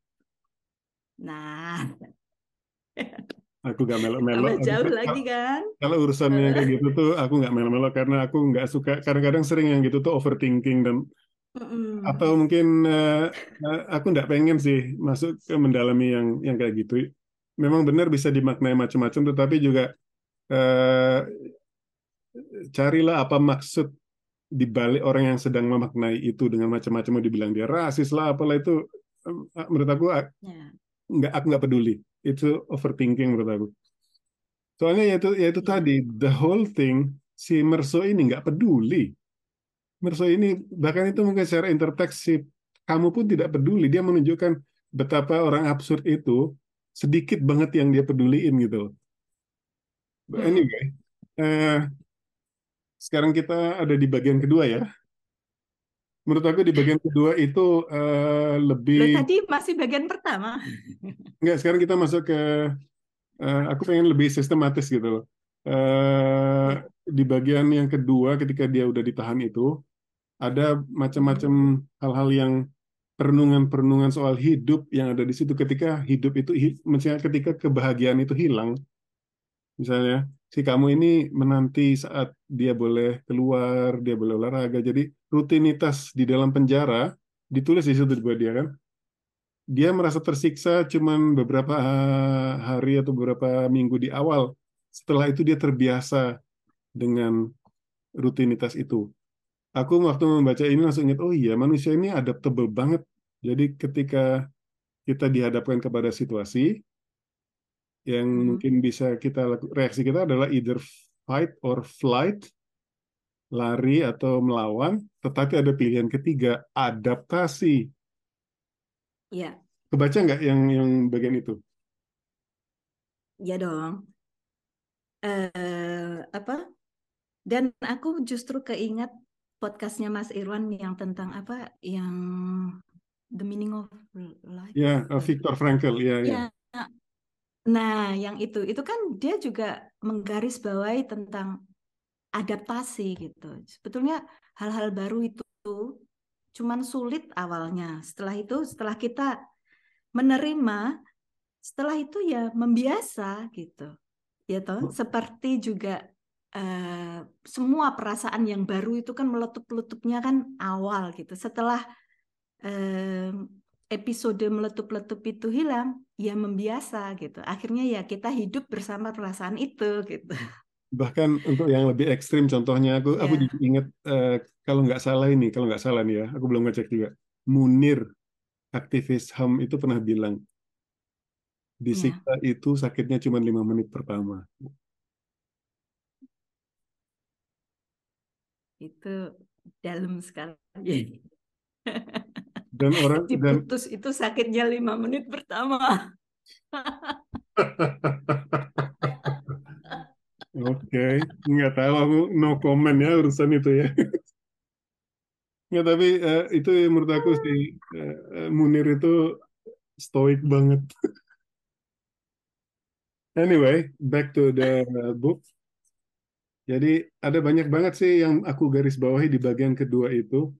Yang pertama mm-hmm. soal ketika si Mary bilang, oh ya kamu cepet-cepetan dan nanti begitu selesai dihukum kita menikah dan sebagainya. Dia bahkan masih tetap aja uh, distant. Oke. Okay. Uh, eh, dia selalu mikir gini, aku menjawab karena mainly because I had to say something gitu kan Uh, ingat nggak? Yeah. Jadi yang yang hal hal-hal yang respon-responnya agak autistik itu. Jadi aku harus ngomong sesuatu, aku harus jawab itu iya atau enggak. Cuman karena aku rasa hmm. aku harus ngomong sesuatu nih. Kalau aku diam aja kan aneh. itu uh, itu keanehan juga itu kan. Iya.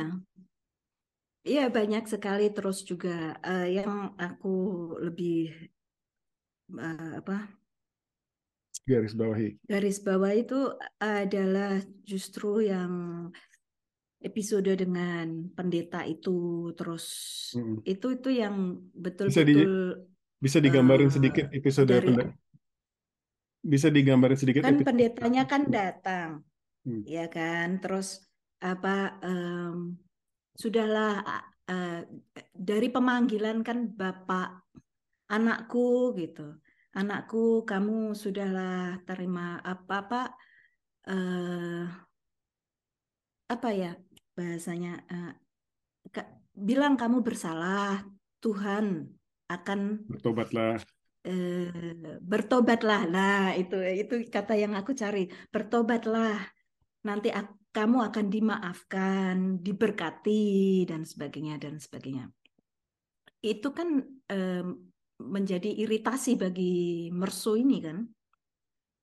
Karena dia sudah tahu itu meaningless gitu. Satu yang pasti adalah kematian gitu. Itu kan juga di, dikatakan di sini. Dia eh, kamu kamu pun nggak tahu apakah Tuhan itu ada dan sebagainya. Ini eh, tafsirku ya. Kata-kata exactly itu bukan seperti itu. Uh, ya, kenapa? Kenapa kamu menolak kunjunganku? Terus, karena aku tidak percaya terhadap Tuhan. Uh. Ter, uh, akhirnya dia bilang tidak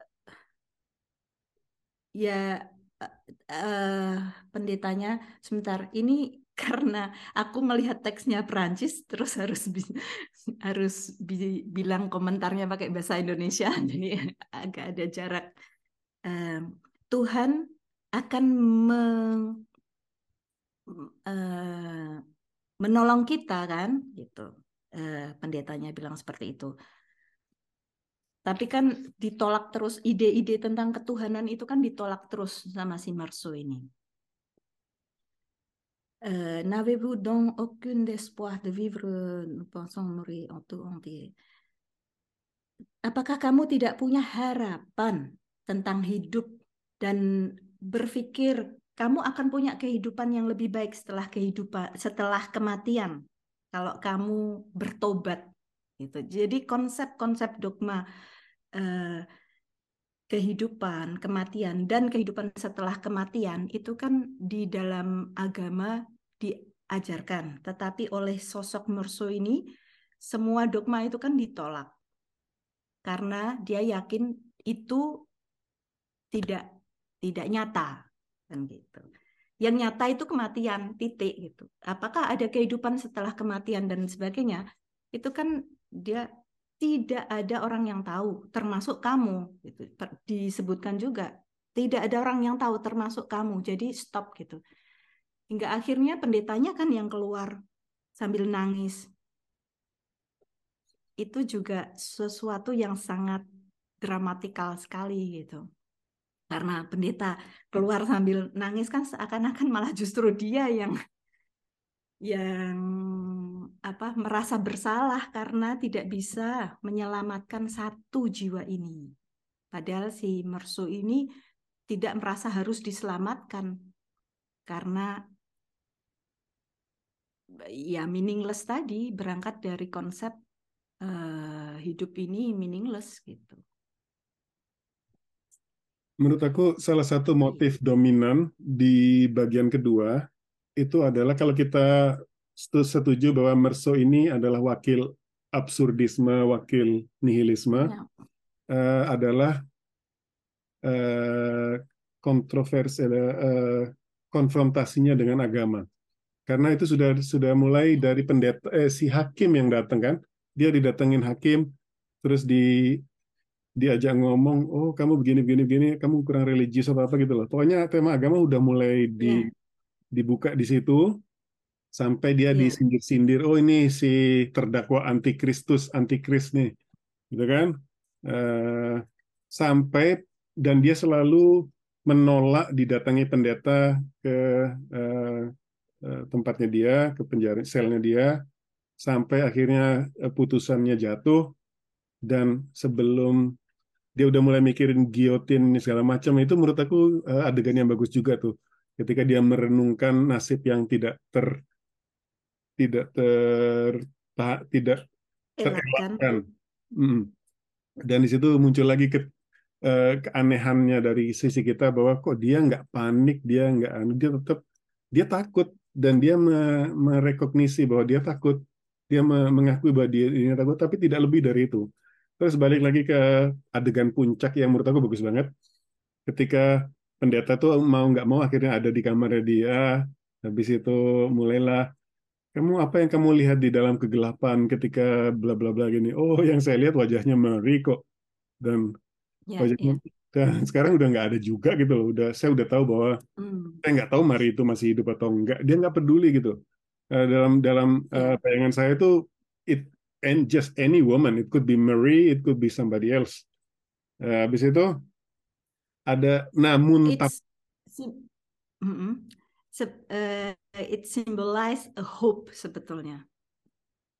bayangan wajah Mary itu kan uh, Mary kan kalau aku mentafsirkan dia kan simbol kehidupan, simbol kesenangan, simbol pleasure. Dan bayangan Mari pun hilang gitu karena dia tahu Sudah ada harapan. Setelah itu nah gitu. Tapi bahkan sebelum harapan itu hilang, it doesn't matter who the woman is. Itu detachnya yeah. dia. Dia hanya mengharapkan punya hubungan asmara dengan seorang perempuan, tidak harus Mary. Jadi dia bahkan sama Mary pun yeah. disengage. Terus praktikal ya. Menurut aku eh, absurdnya kan di situ. Itu yang si berulang-ulang si kamu ingin menggambarkan ke kita. Oh gitu loh kalau kamu absurd gitu kan. Eh, dan akhirnya si ya seperti biasa orang religius itu punya kecenderungan persisten atau tidak gampang mm -hmm. menyerah sampai akhirnya dia muntap kan di adegan terakhir itu dia teriak-teriak yeah. uh, I had very little time left and I didn't want to waste it on God dia bilang kan aku waktu gua yeah. waktu gua cuma tinggal sebentar nih Itu. aku mau buang-buang waktu buat ngurusin Tuhan ya kan habis itu si pendeta bilang lagi kenapa kamu manggil saya Mosher bukan Bapak bukan Father. You are, you are not my father gitu kan kata dia. Iya iya iya iya itu itu juga uh, apa uh, ya simbol-simbol seperti itu karena bapak anak ya anakku dan sebagainya. Uh, ya. itu dan, dan eh, ordinasi uh, kan dan nihilismenya si itu kan jawaban nihilisnya si itu. Dia tidak menerima premis bahwa pemuka agama itu uh, adalah bapak kita adalah father kita. Yeah, yeah. no my son bla bla bla. Terus you are not my father gitu kan. Uh, abis itu yeah. mulai dia muntap kan. Something burst inside me. Dia waktu itu no my son I'm here for you but you cannot understand that because your heart is blind. Ini ini ini klasik banget di uh, orang agama. Tipik tipik langsung sekali. bilang ya, oh kamu kamu nggak bisa ngerti saya karena hatimu sudah tertutup I will pray for you langsung dia muntap kan bam shouted stout, hmm. shouting, blah blah blah in waves of anger. He seemed so sure of himself, didn't he? Kamu si pendeta tuh kelihatannya yakin banget sih bahwa dia bisa menyelamatkan, dia tahu apa rahasia kematian dan kehidupan. But ke keyakinan dia itu tidak ada di sini tulisnya gini, but not one of his certainties was worth a single strand of a woman's hair menurut aku tuh uh, ya, ya, ya, ya, ya, gitu. Ya. Cakep, kan? Ada ada nggak ada keyakinan satu orang itu keyakinan dari itu uh, semakna dari satu helai rambut nggak. Yes. Bahkan Jadi, satu helai rambut perempuan itu lebih bermakna daripada omongannya dia dan kepercayaannya dia itu. Waduh. Dan yang kalimat selanjutnya jauh lebih bagus. He was even sure he was alive because he lived life as if he were dead. Dia mendu dia bilang yeah. dia ini tuduhan seorang absurdisme kepada tokoh agama bahwa dia bahkan nggak yakin kamu tuh hidup nggak sih karena sepanjang hidupmu itu diisi bagaimana caranya untuk mengisi hidup sesudah mati gitu kan bahkan di yeah. dalam kehidupan itu yeah, you miss yeah. out a lot of things you nggak boleh ini nggak boleh itu dengan harapan bahwa kamu udah mati duluan gitu loh itu itu yang ini eh, untungnya nggak ditangkap itu di ranah yang lebih apa eh, dominan ya maksudnya ini bisa-bisa buku ini di nggak boleh tayang sebetulnya Loh, kalau enggak. Aku itu yang di, di garis bawahi Loh, aku maksudnya nggak boleh tayang di Indonesia gitu aku justru membaca ini dari konteks itu jadi nihilisme hmm. itu salah satu di tahun 90-an salah satu yang hmm. di ketika filsafat waktu itu kalau nggak salah Nurholis Majid dan sebagainya yang melawan uh, orang Muhammadiyah atau apa gitu loh. Aku nggak nggak hmm. nggak paham betul, tapi memang uh, posisi filsafat pada saat itu cukup dicurigai akan membuat kamu uh, meninggalkan agama. Nah, salah satu contoh yang Sufi ya. No, no, no. jangan dicampur. Orang-orang sufi, bukan? Enggak, enggak. jangan dicampur-campur. Uh, bahwa secara premis akhirnya kan ketemu hidup itu nggak ada. Secara uh, basis hmm. itu udah berlawanan kan. contohnya nihilisme, hmm. kalau kamu nihilisme nanti kamu tidak bahagia, itu sudah ada di tahun 90-an.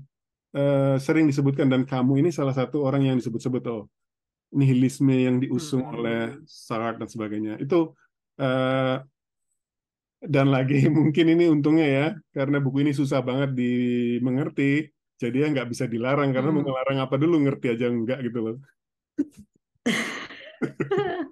Iya, yeah, exactly.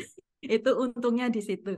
Uh, padahal kalau uh, itu dikupas habis, yang episode 2 itu betul-betul penolakan terhadap dogma yeah. agama ya, semua agama yeah. gitu. Ya, di iya. sini lawannya Kristen yeah. sih.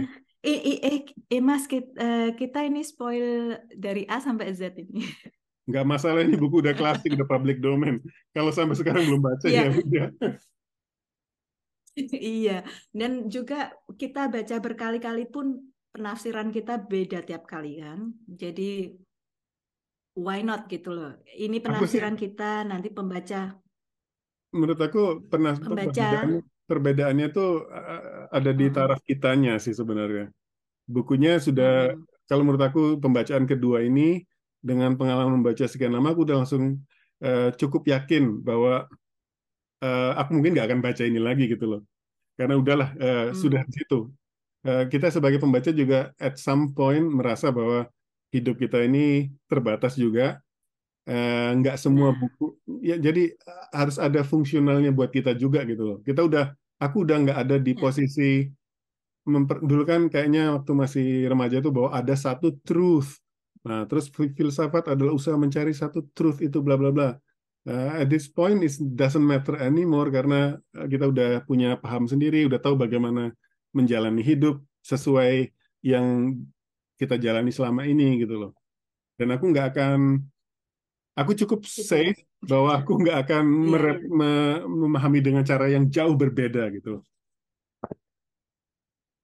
Kalau aku justru sebaliknya, uh, semakin ke sini aku justru menanyakan kembali apa yang ku yakini, gitu. Hmm. Jadi oh, benar ini.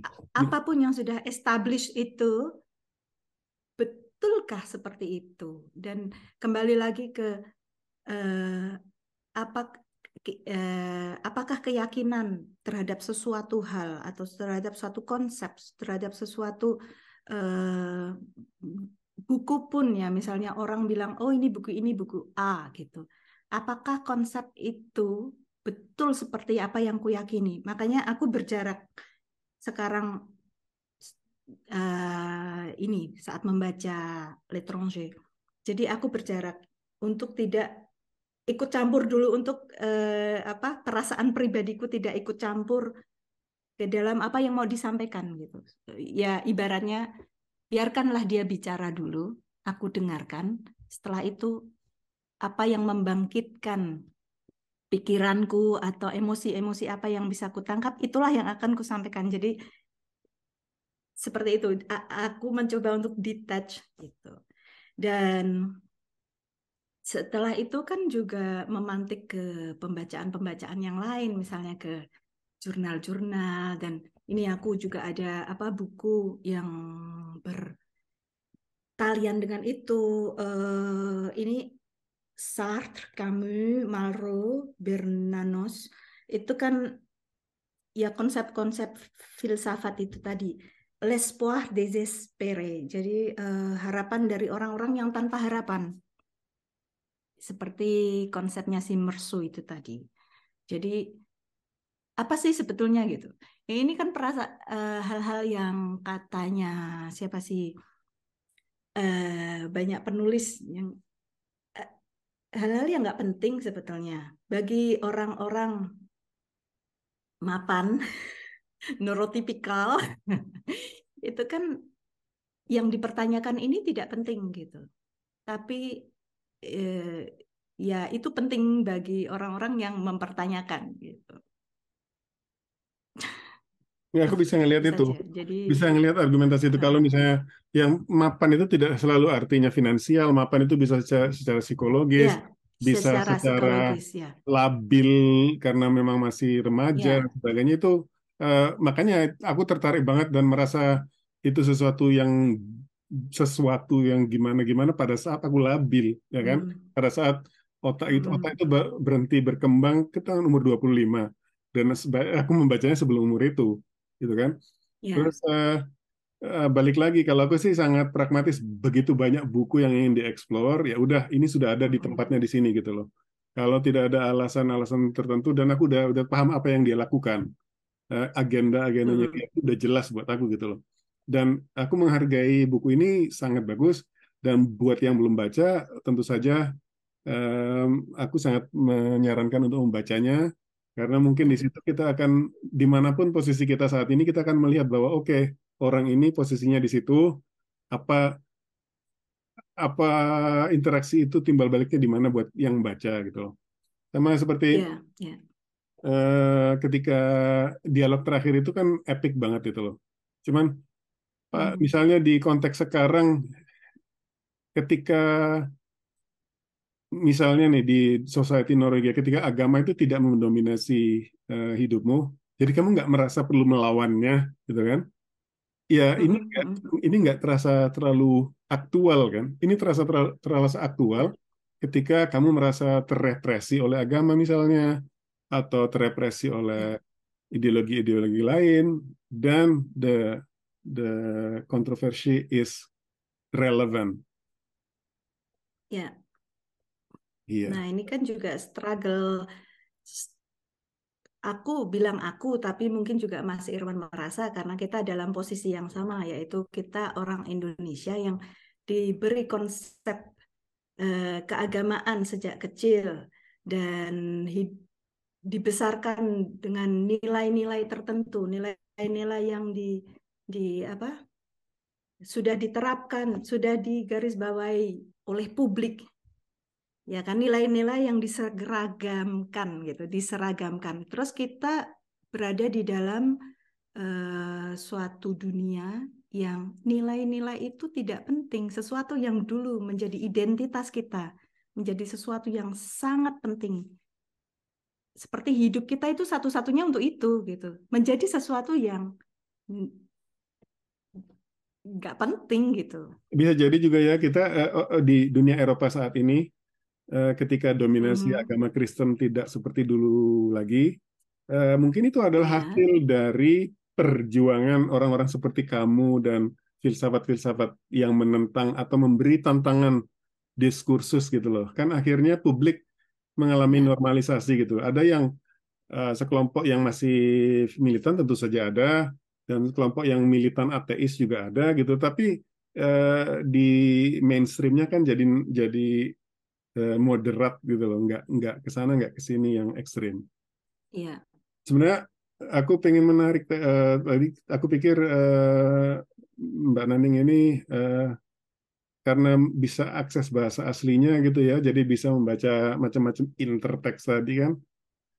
Aku pernah sedikit eh, bahwa Albert Camus ini fansnya Baudelaire. Eh, Mbak Naning pernah nerjemahin Baudelaire kan ya? Iya, iya.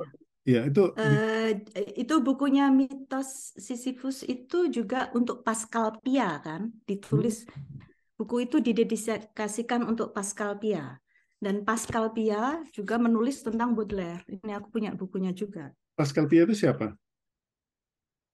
Pascal Pia itu adalah nama yang cukup terkenal dia itu direktur dan jurnalis di eh, koran-koran terutama waktu Perang Dunia Ga- Kedua ya jadi Gallimard, eh, yang Gallimard itu. bukan bukan Ya. Ini kan Pascal Pia. Jadi Oh, itu Pascal Pia menulis tentang Baudelaire juga, menulis tentang Baudelaire. Jadi dengan konsep dan eh, dan sebagainya. Dan Sartre juga menulis tentang Baudelaire juga. Oh, Jadi kalau gitu dengan tolong di pendekatan eksistensialismenya dia gitu. tolong Justru dicerahkan, kamu tidak menulis tentang Baudelaire. tolong dicerahkan dong dikit eh, Baudelaire itu apa? Buat orang yang buat siapa? Buat orang yang sama sekali nggak tahu seperti aku. Eh, Baudelaire itu ini ya penyair pada abad ke-19 Eh, lahir dua- 1921 meninggal cukup muda dan secara kehidupannya itu juga kehidupan tidak menentu tadi. Tapi karena dia uh, tidak menentu, maksudnya tidak stabil seperti yang bohemian ya. Ya, bohemian gitu. Dia lahir dari keluarga yang bourgeois, tapi dulu kan sebetulnya semua penulis itu kan bourgeois. Untuk orang yang menulis Bahkan sampai sekarang pun aku mengamini kalau kamu pengen nulis apa yang kamu ingin tuliskan tanpa embel-embel uh, finansial, ya kamu harus establish dulu dari dari segi itu gitu. Yeah. Itu baru kamu bisa mengekspresikan. Nah, ini Baudelaire pun seperti itu. Jadi dia dandy, dia penyair yang dandy itu flamboyant, uh, flamboyan. Jadi menghabiskan duitnya untuk hal-hal artifisial karena baginya dirinya ini juga art gitu. Kontradik Jadi, kontradiktif nggak? nggak nggak mapan tetapi dandy. Kontradiktif, kontradiktif bahkan itu juga dikritik uh, oleh Sartre. Dia bilang kamu itu mau melawan dogma agama karena dia kan disensor kan uh, puisinya, kenapa, puisi. Kenapa, kenapa sosok Baudelaire ini penting gitu loh? Apa Kenapa pen, Iya. Uh, dulu itu pada masa dia hidup itu adalah aliran sastra romantisme ya hmm. ditandai oleh Victor Hugo dan sebagainya hmm. uh, masuknya Baudelaire itu di dalam puisi menjadi tonggak simbolisme tapi tanpa dia sadari sebetulnya uh, hal yang dia tulis itu original sekali itu berdasarkan hal-hal yang dia rasakan dan sebetulnya seperti autobiografi gitu. Karena dia, ini ada siklus-siklus. Dia pendobrak ya? romantisme ya. Dia punya dia menciptakan gaya baru gitu ya. Iya, salah uh, salah satu yang diyakini sebagai uh, father of symbolism yang hmm. menjadi uh, esensi untuk lahirnya tonggak-tonggak selanjutnya seperti Rambo yang suka Baudelaire gitu kan dia setelah itu uh, ada Verlaine dan sebagainya Mallarmé terus uh, aliran sastra seperti dadaisme surrealisme itu itu kan hmm. awalnya berasal dari simbolisme itu gitu. dari si Baudelaire ini salah satunya karena saat itu kan bukan hanya puisi yang mendobrak uh, romantisme, tapi juga ada di naskah drama, juga ada di bahkan lukisan seperti Gustav uh, siapa itu? Uh, Bu, uh, pernah disebutkan di Arsène Lupin itu. Bourdin atau uh, aku nggak yakin namanya tapi dia membuat lukisan yang mendobrak uh, romantisme. Dan hal-hal itu bersamaan dengan revolusi yang terjadi di Perancis saat itu. Hmm. Nah, yang penting dari sisi Baudelaire adalah dia yang menjadi pemantik terhadap aliran-aliran sastra selanjutnya yang melepaskan pakem romantisme tadi. Oh, saya belajar sesuatu yang baru nih. Oke, oke, oke. Jadi eh, orang-orang eksistensialisme memakai Baudelaire ini sebagai menjadi panutan atau terinspirasi somehow gitu ya? Ya karena eh, saat itu menolak keberadaan Tuhan di abad 19 itu kan eh, dihukum ya, seperti hukuman yang ditetapkan di eh, untuk Madame Bovary itu kan juga oh kamu mendobrak norma seperti seakan-akan uh, menulis karya sastra itu harus memberi moral ini loh iya, iya, moralnya yeah, yeah, yeah. gitu. Kamu harus jadi orang baik gitu. Saat itu uh, Madame Bovary pun di dibawa ke pengadilan tetapi uh, akhirnya dilepas. Tapi Baudelaire tidak gitu. Ini aku tulis uh, di esai yang akan terbit nanti tentang kesialan Baudelaire. Kenapa dia kenapa Flaubert lepas dan dia enggak gitu Oke, okay, buat yang buat yang dengerin ini tunggu tanggal mainnya, esainya bentar lagi keluar. Iya. Aku terbitkan dua uh, mungkin nanti secara bersamaan terjemahannya Baudelaire dan esai tentang Baudelaire. Jadi uh, tentang semua yang apa konteks sejarah tentang ini siklus kan ada siklus erotisme juga. Siapa pacar-pacarnya yang menjadi muse di puisi ini sehingga puisi ini puisi ini juga dan sebagainya. Hingga uh, itu surat surat-surat pribadi Baudelaire kepada pacar-pacarnya kepada ibunya itu itu juga menjadi dasar dari esai ini gitu. Makanya lama. Hampir tiga tahun. It takes time. Jadi sih, jadi cuman tunggu tunggu tanggal mainnya saja. Wah, kayaknya kalau ngobrolin Baudelaire mungkin jauh lebih berapi-api kali ya. Kita nggak terlalu oh, iya. kayak mersau begini ya. mersau itu ada yang bilang mersau itu dari dua kata murir dan sove gitu. Murir Merso. artinya kematian. Murir, murir artinya kematian. Sove itu uh, pertolongan. Uh, ya pertolongan. Jadi safe, kematian ya. itu adalah menolong. Ya safe. Uh, jadi menolong menolong keluar dari hidup yang absurd ini gitu. Wow, hopeless banget iya. Oh my God. Udah dua jam loh. Oh ya? Aku nggak nggak kerasa. Really? Oke. Okay. Yes. Jadi kita udah ngobrol ke mana-mana, which I like, dan akhirnya kita hmm. akhiri dengan keahliannya Mbak Naning, yaitu Baudelaire, salah satu dari spesialisasi. Nanti nanti kirimin aku linknya ya, aku tulis eh, di komentar atau di kolom yang bisa di dicek ulang. Link apa nih? Link buat segala karyanya Mbak Naning dan sebagainya. Oh gitu. Miss Goki dan lain-lain. ya udah. Oke. Okay. Kita bisa akhiri dulu kali pembicaraan ini. Yang terima kasih banyak sudah menemani dan menginspirasi. Semoga mm-hmm. sama-sama terinspirasi. aku nggak aku nggak pinter deh berformat-format begini. ya, ter, apa terima kasih atas ajakannya gitu. Sama-sama semoga ada diskusi-diskusi. Banyak sekali podcast podcastnya Mas Irwan yang uh, menjadi pemantik untuk cari buku-buku, untuk memikirkan hal-hal yang dulu aku pikir itu sudah established dan tidak perlu dipikirkan lagi. Itu justru di situnya. Makanya ini poin penting eh, untuk apa eh, melihat kembali apakah sudah benar apa yang kita pikirkan gitu menanyakan kembali gitu. Kalau buat aku sih eh, ini salah satu cara yang bagus untuk bertemu dengan pembaca-pembaca lain. Jadi mm-hmm. ya kita saling menginspirasi, saling bertukar catatan bacaan, bertukar bacaan yang pernah mm-hmm. dibaca atau enggak gitu. Menurut aku eh, menghidupkan atau aku selalu kembali ke buku yang aku baca dari Mizan dulu yang ditulis oleh orang yang membuka jalanku menjadi penerjemah yaitu Bapak Hernowo judulnya mengikat makna mm -hmm.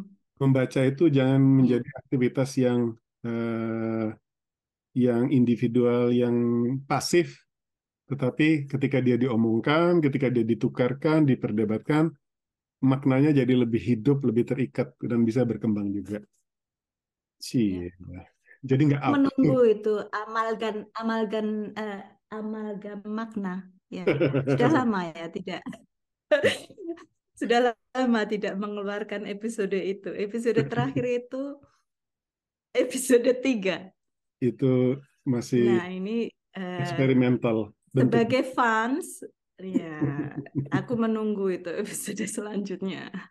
Sebelum ada request-request selanjutnya, mari kita akhiri. Terima kasih Mbak Naning waktunya.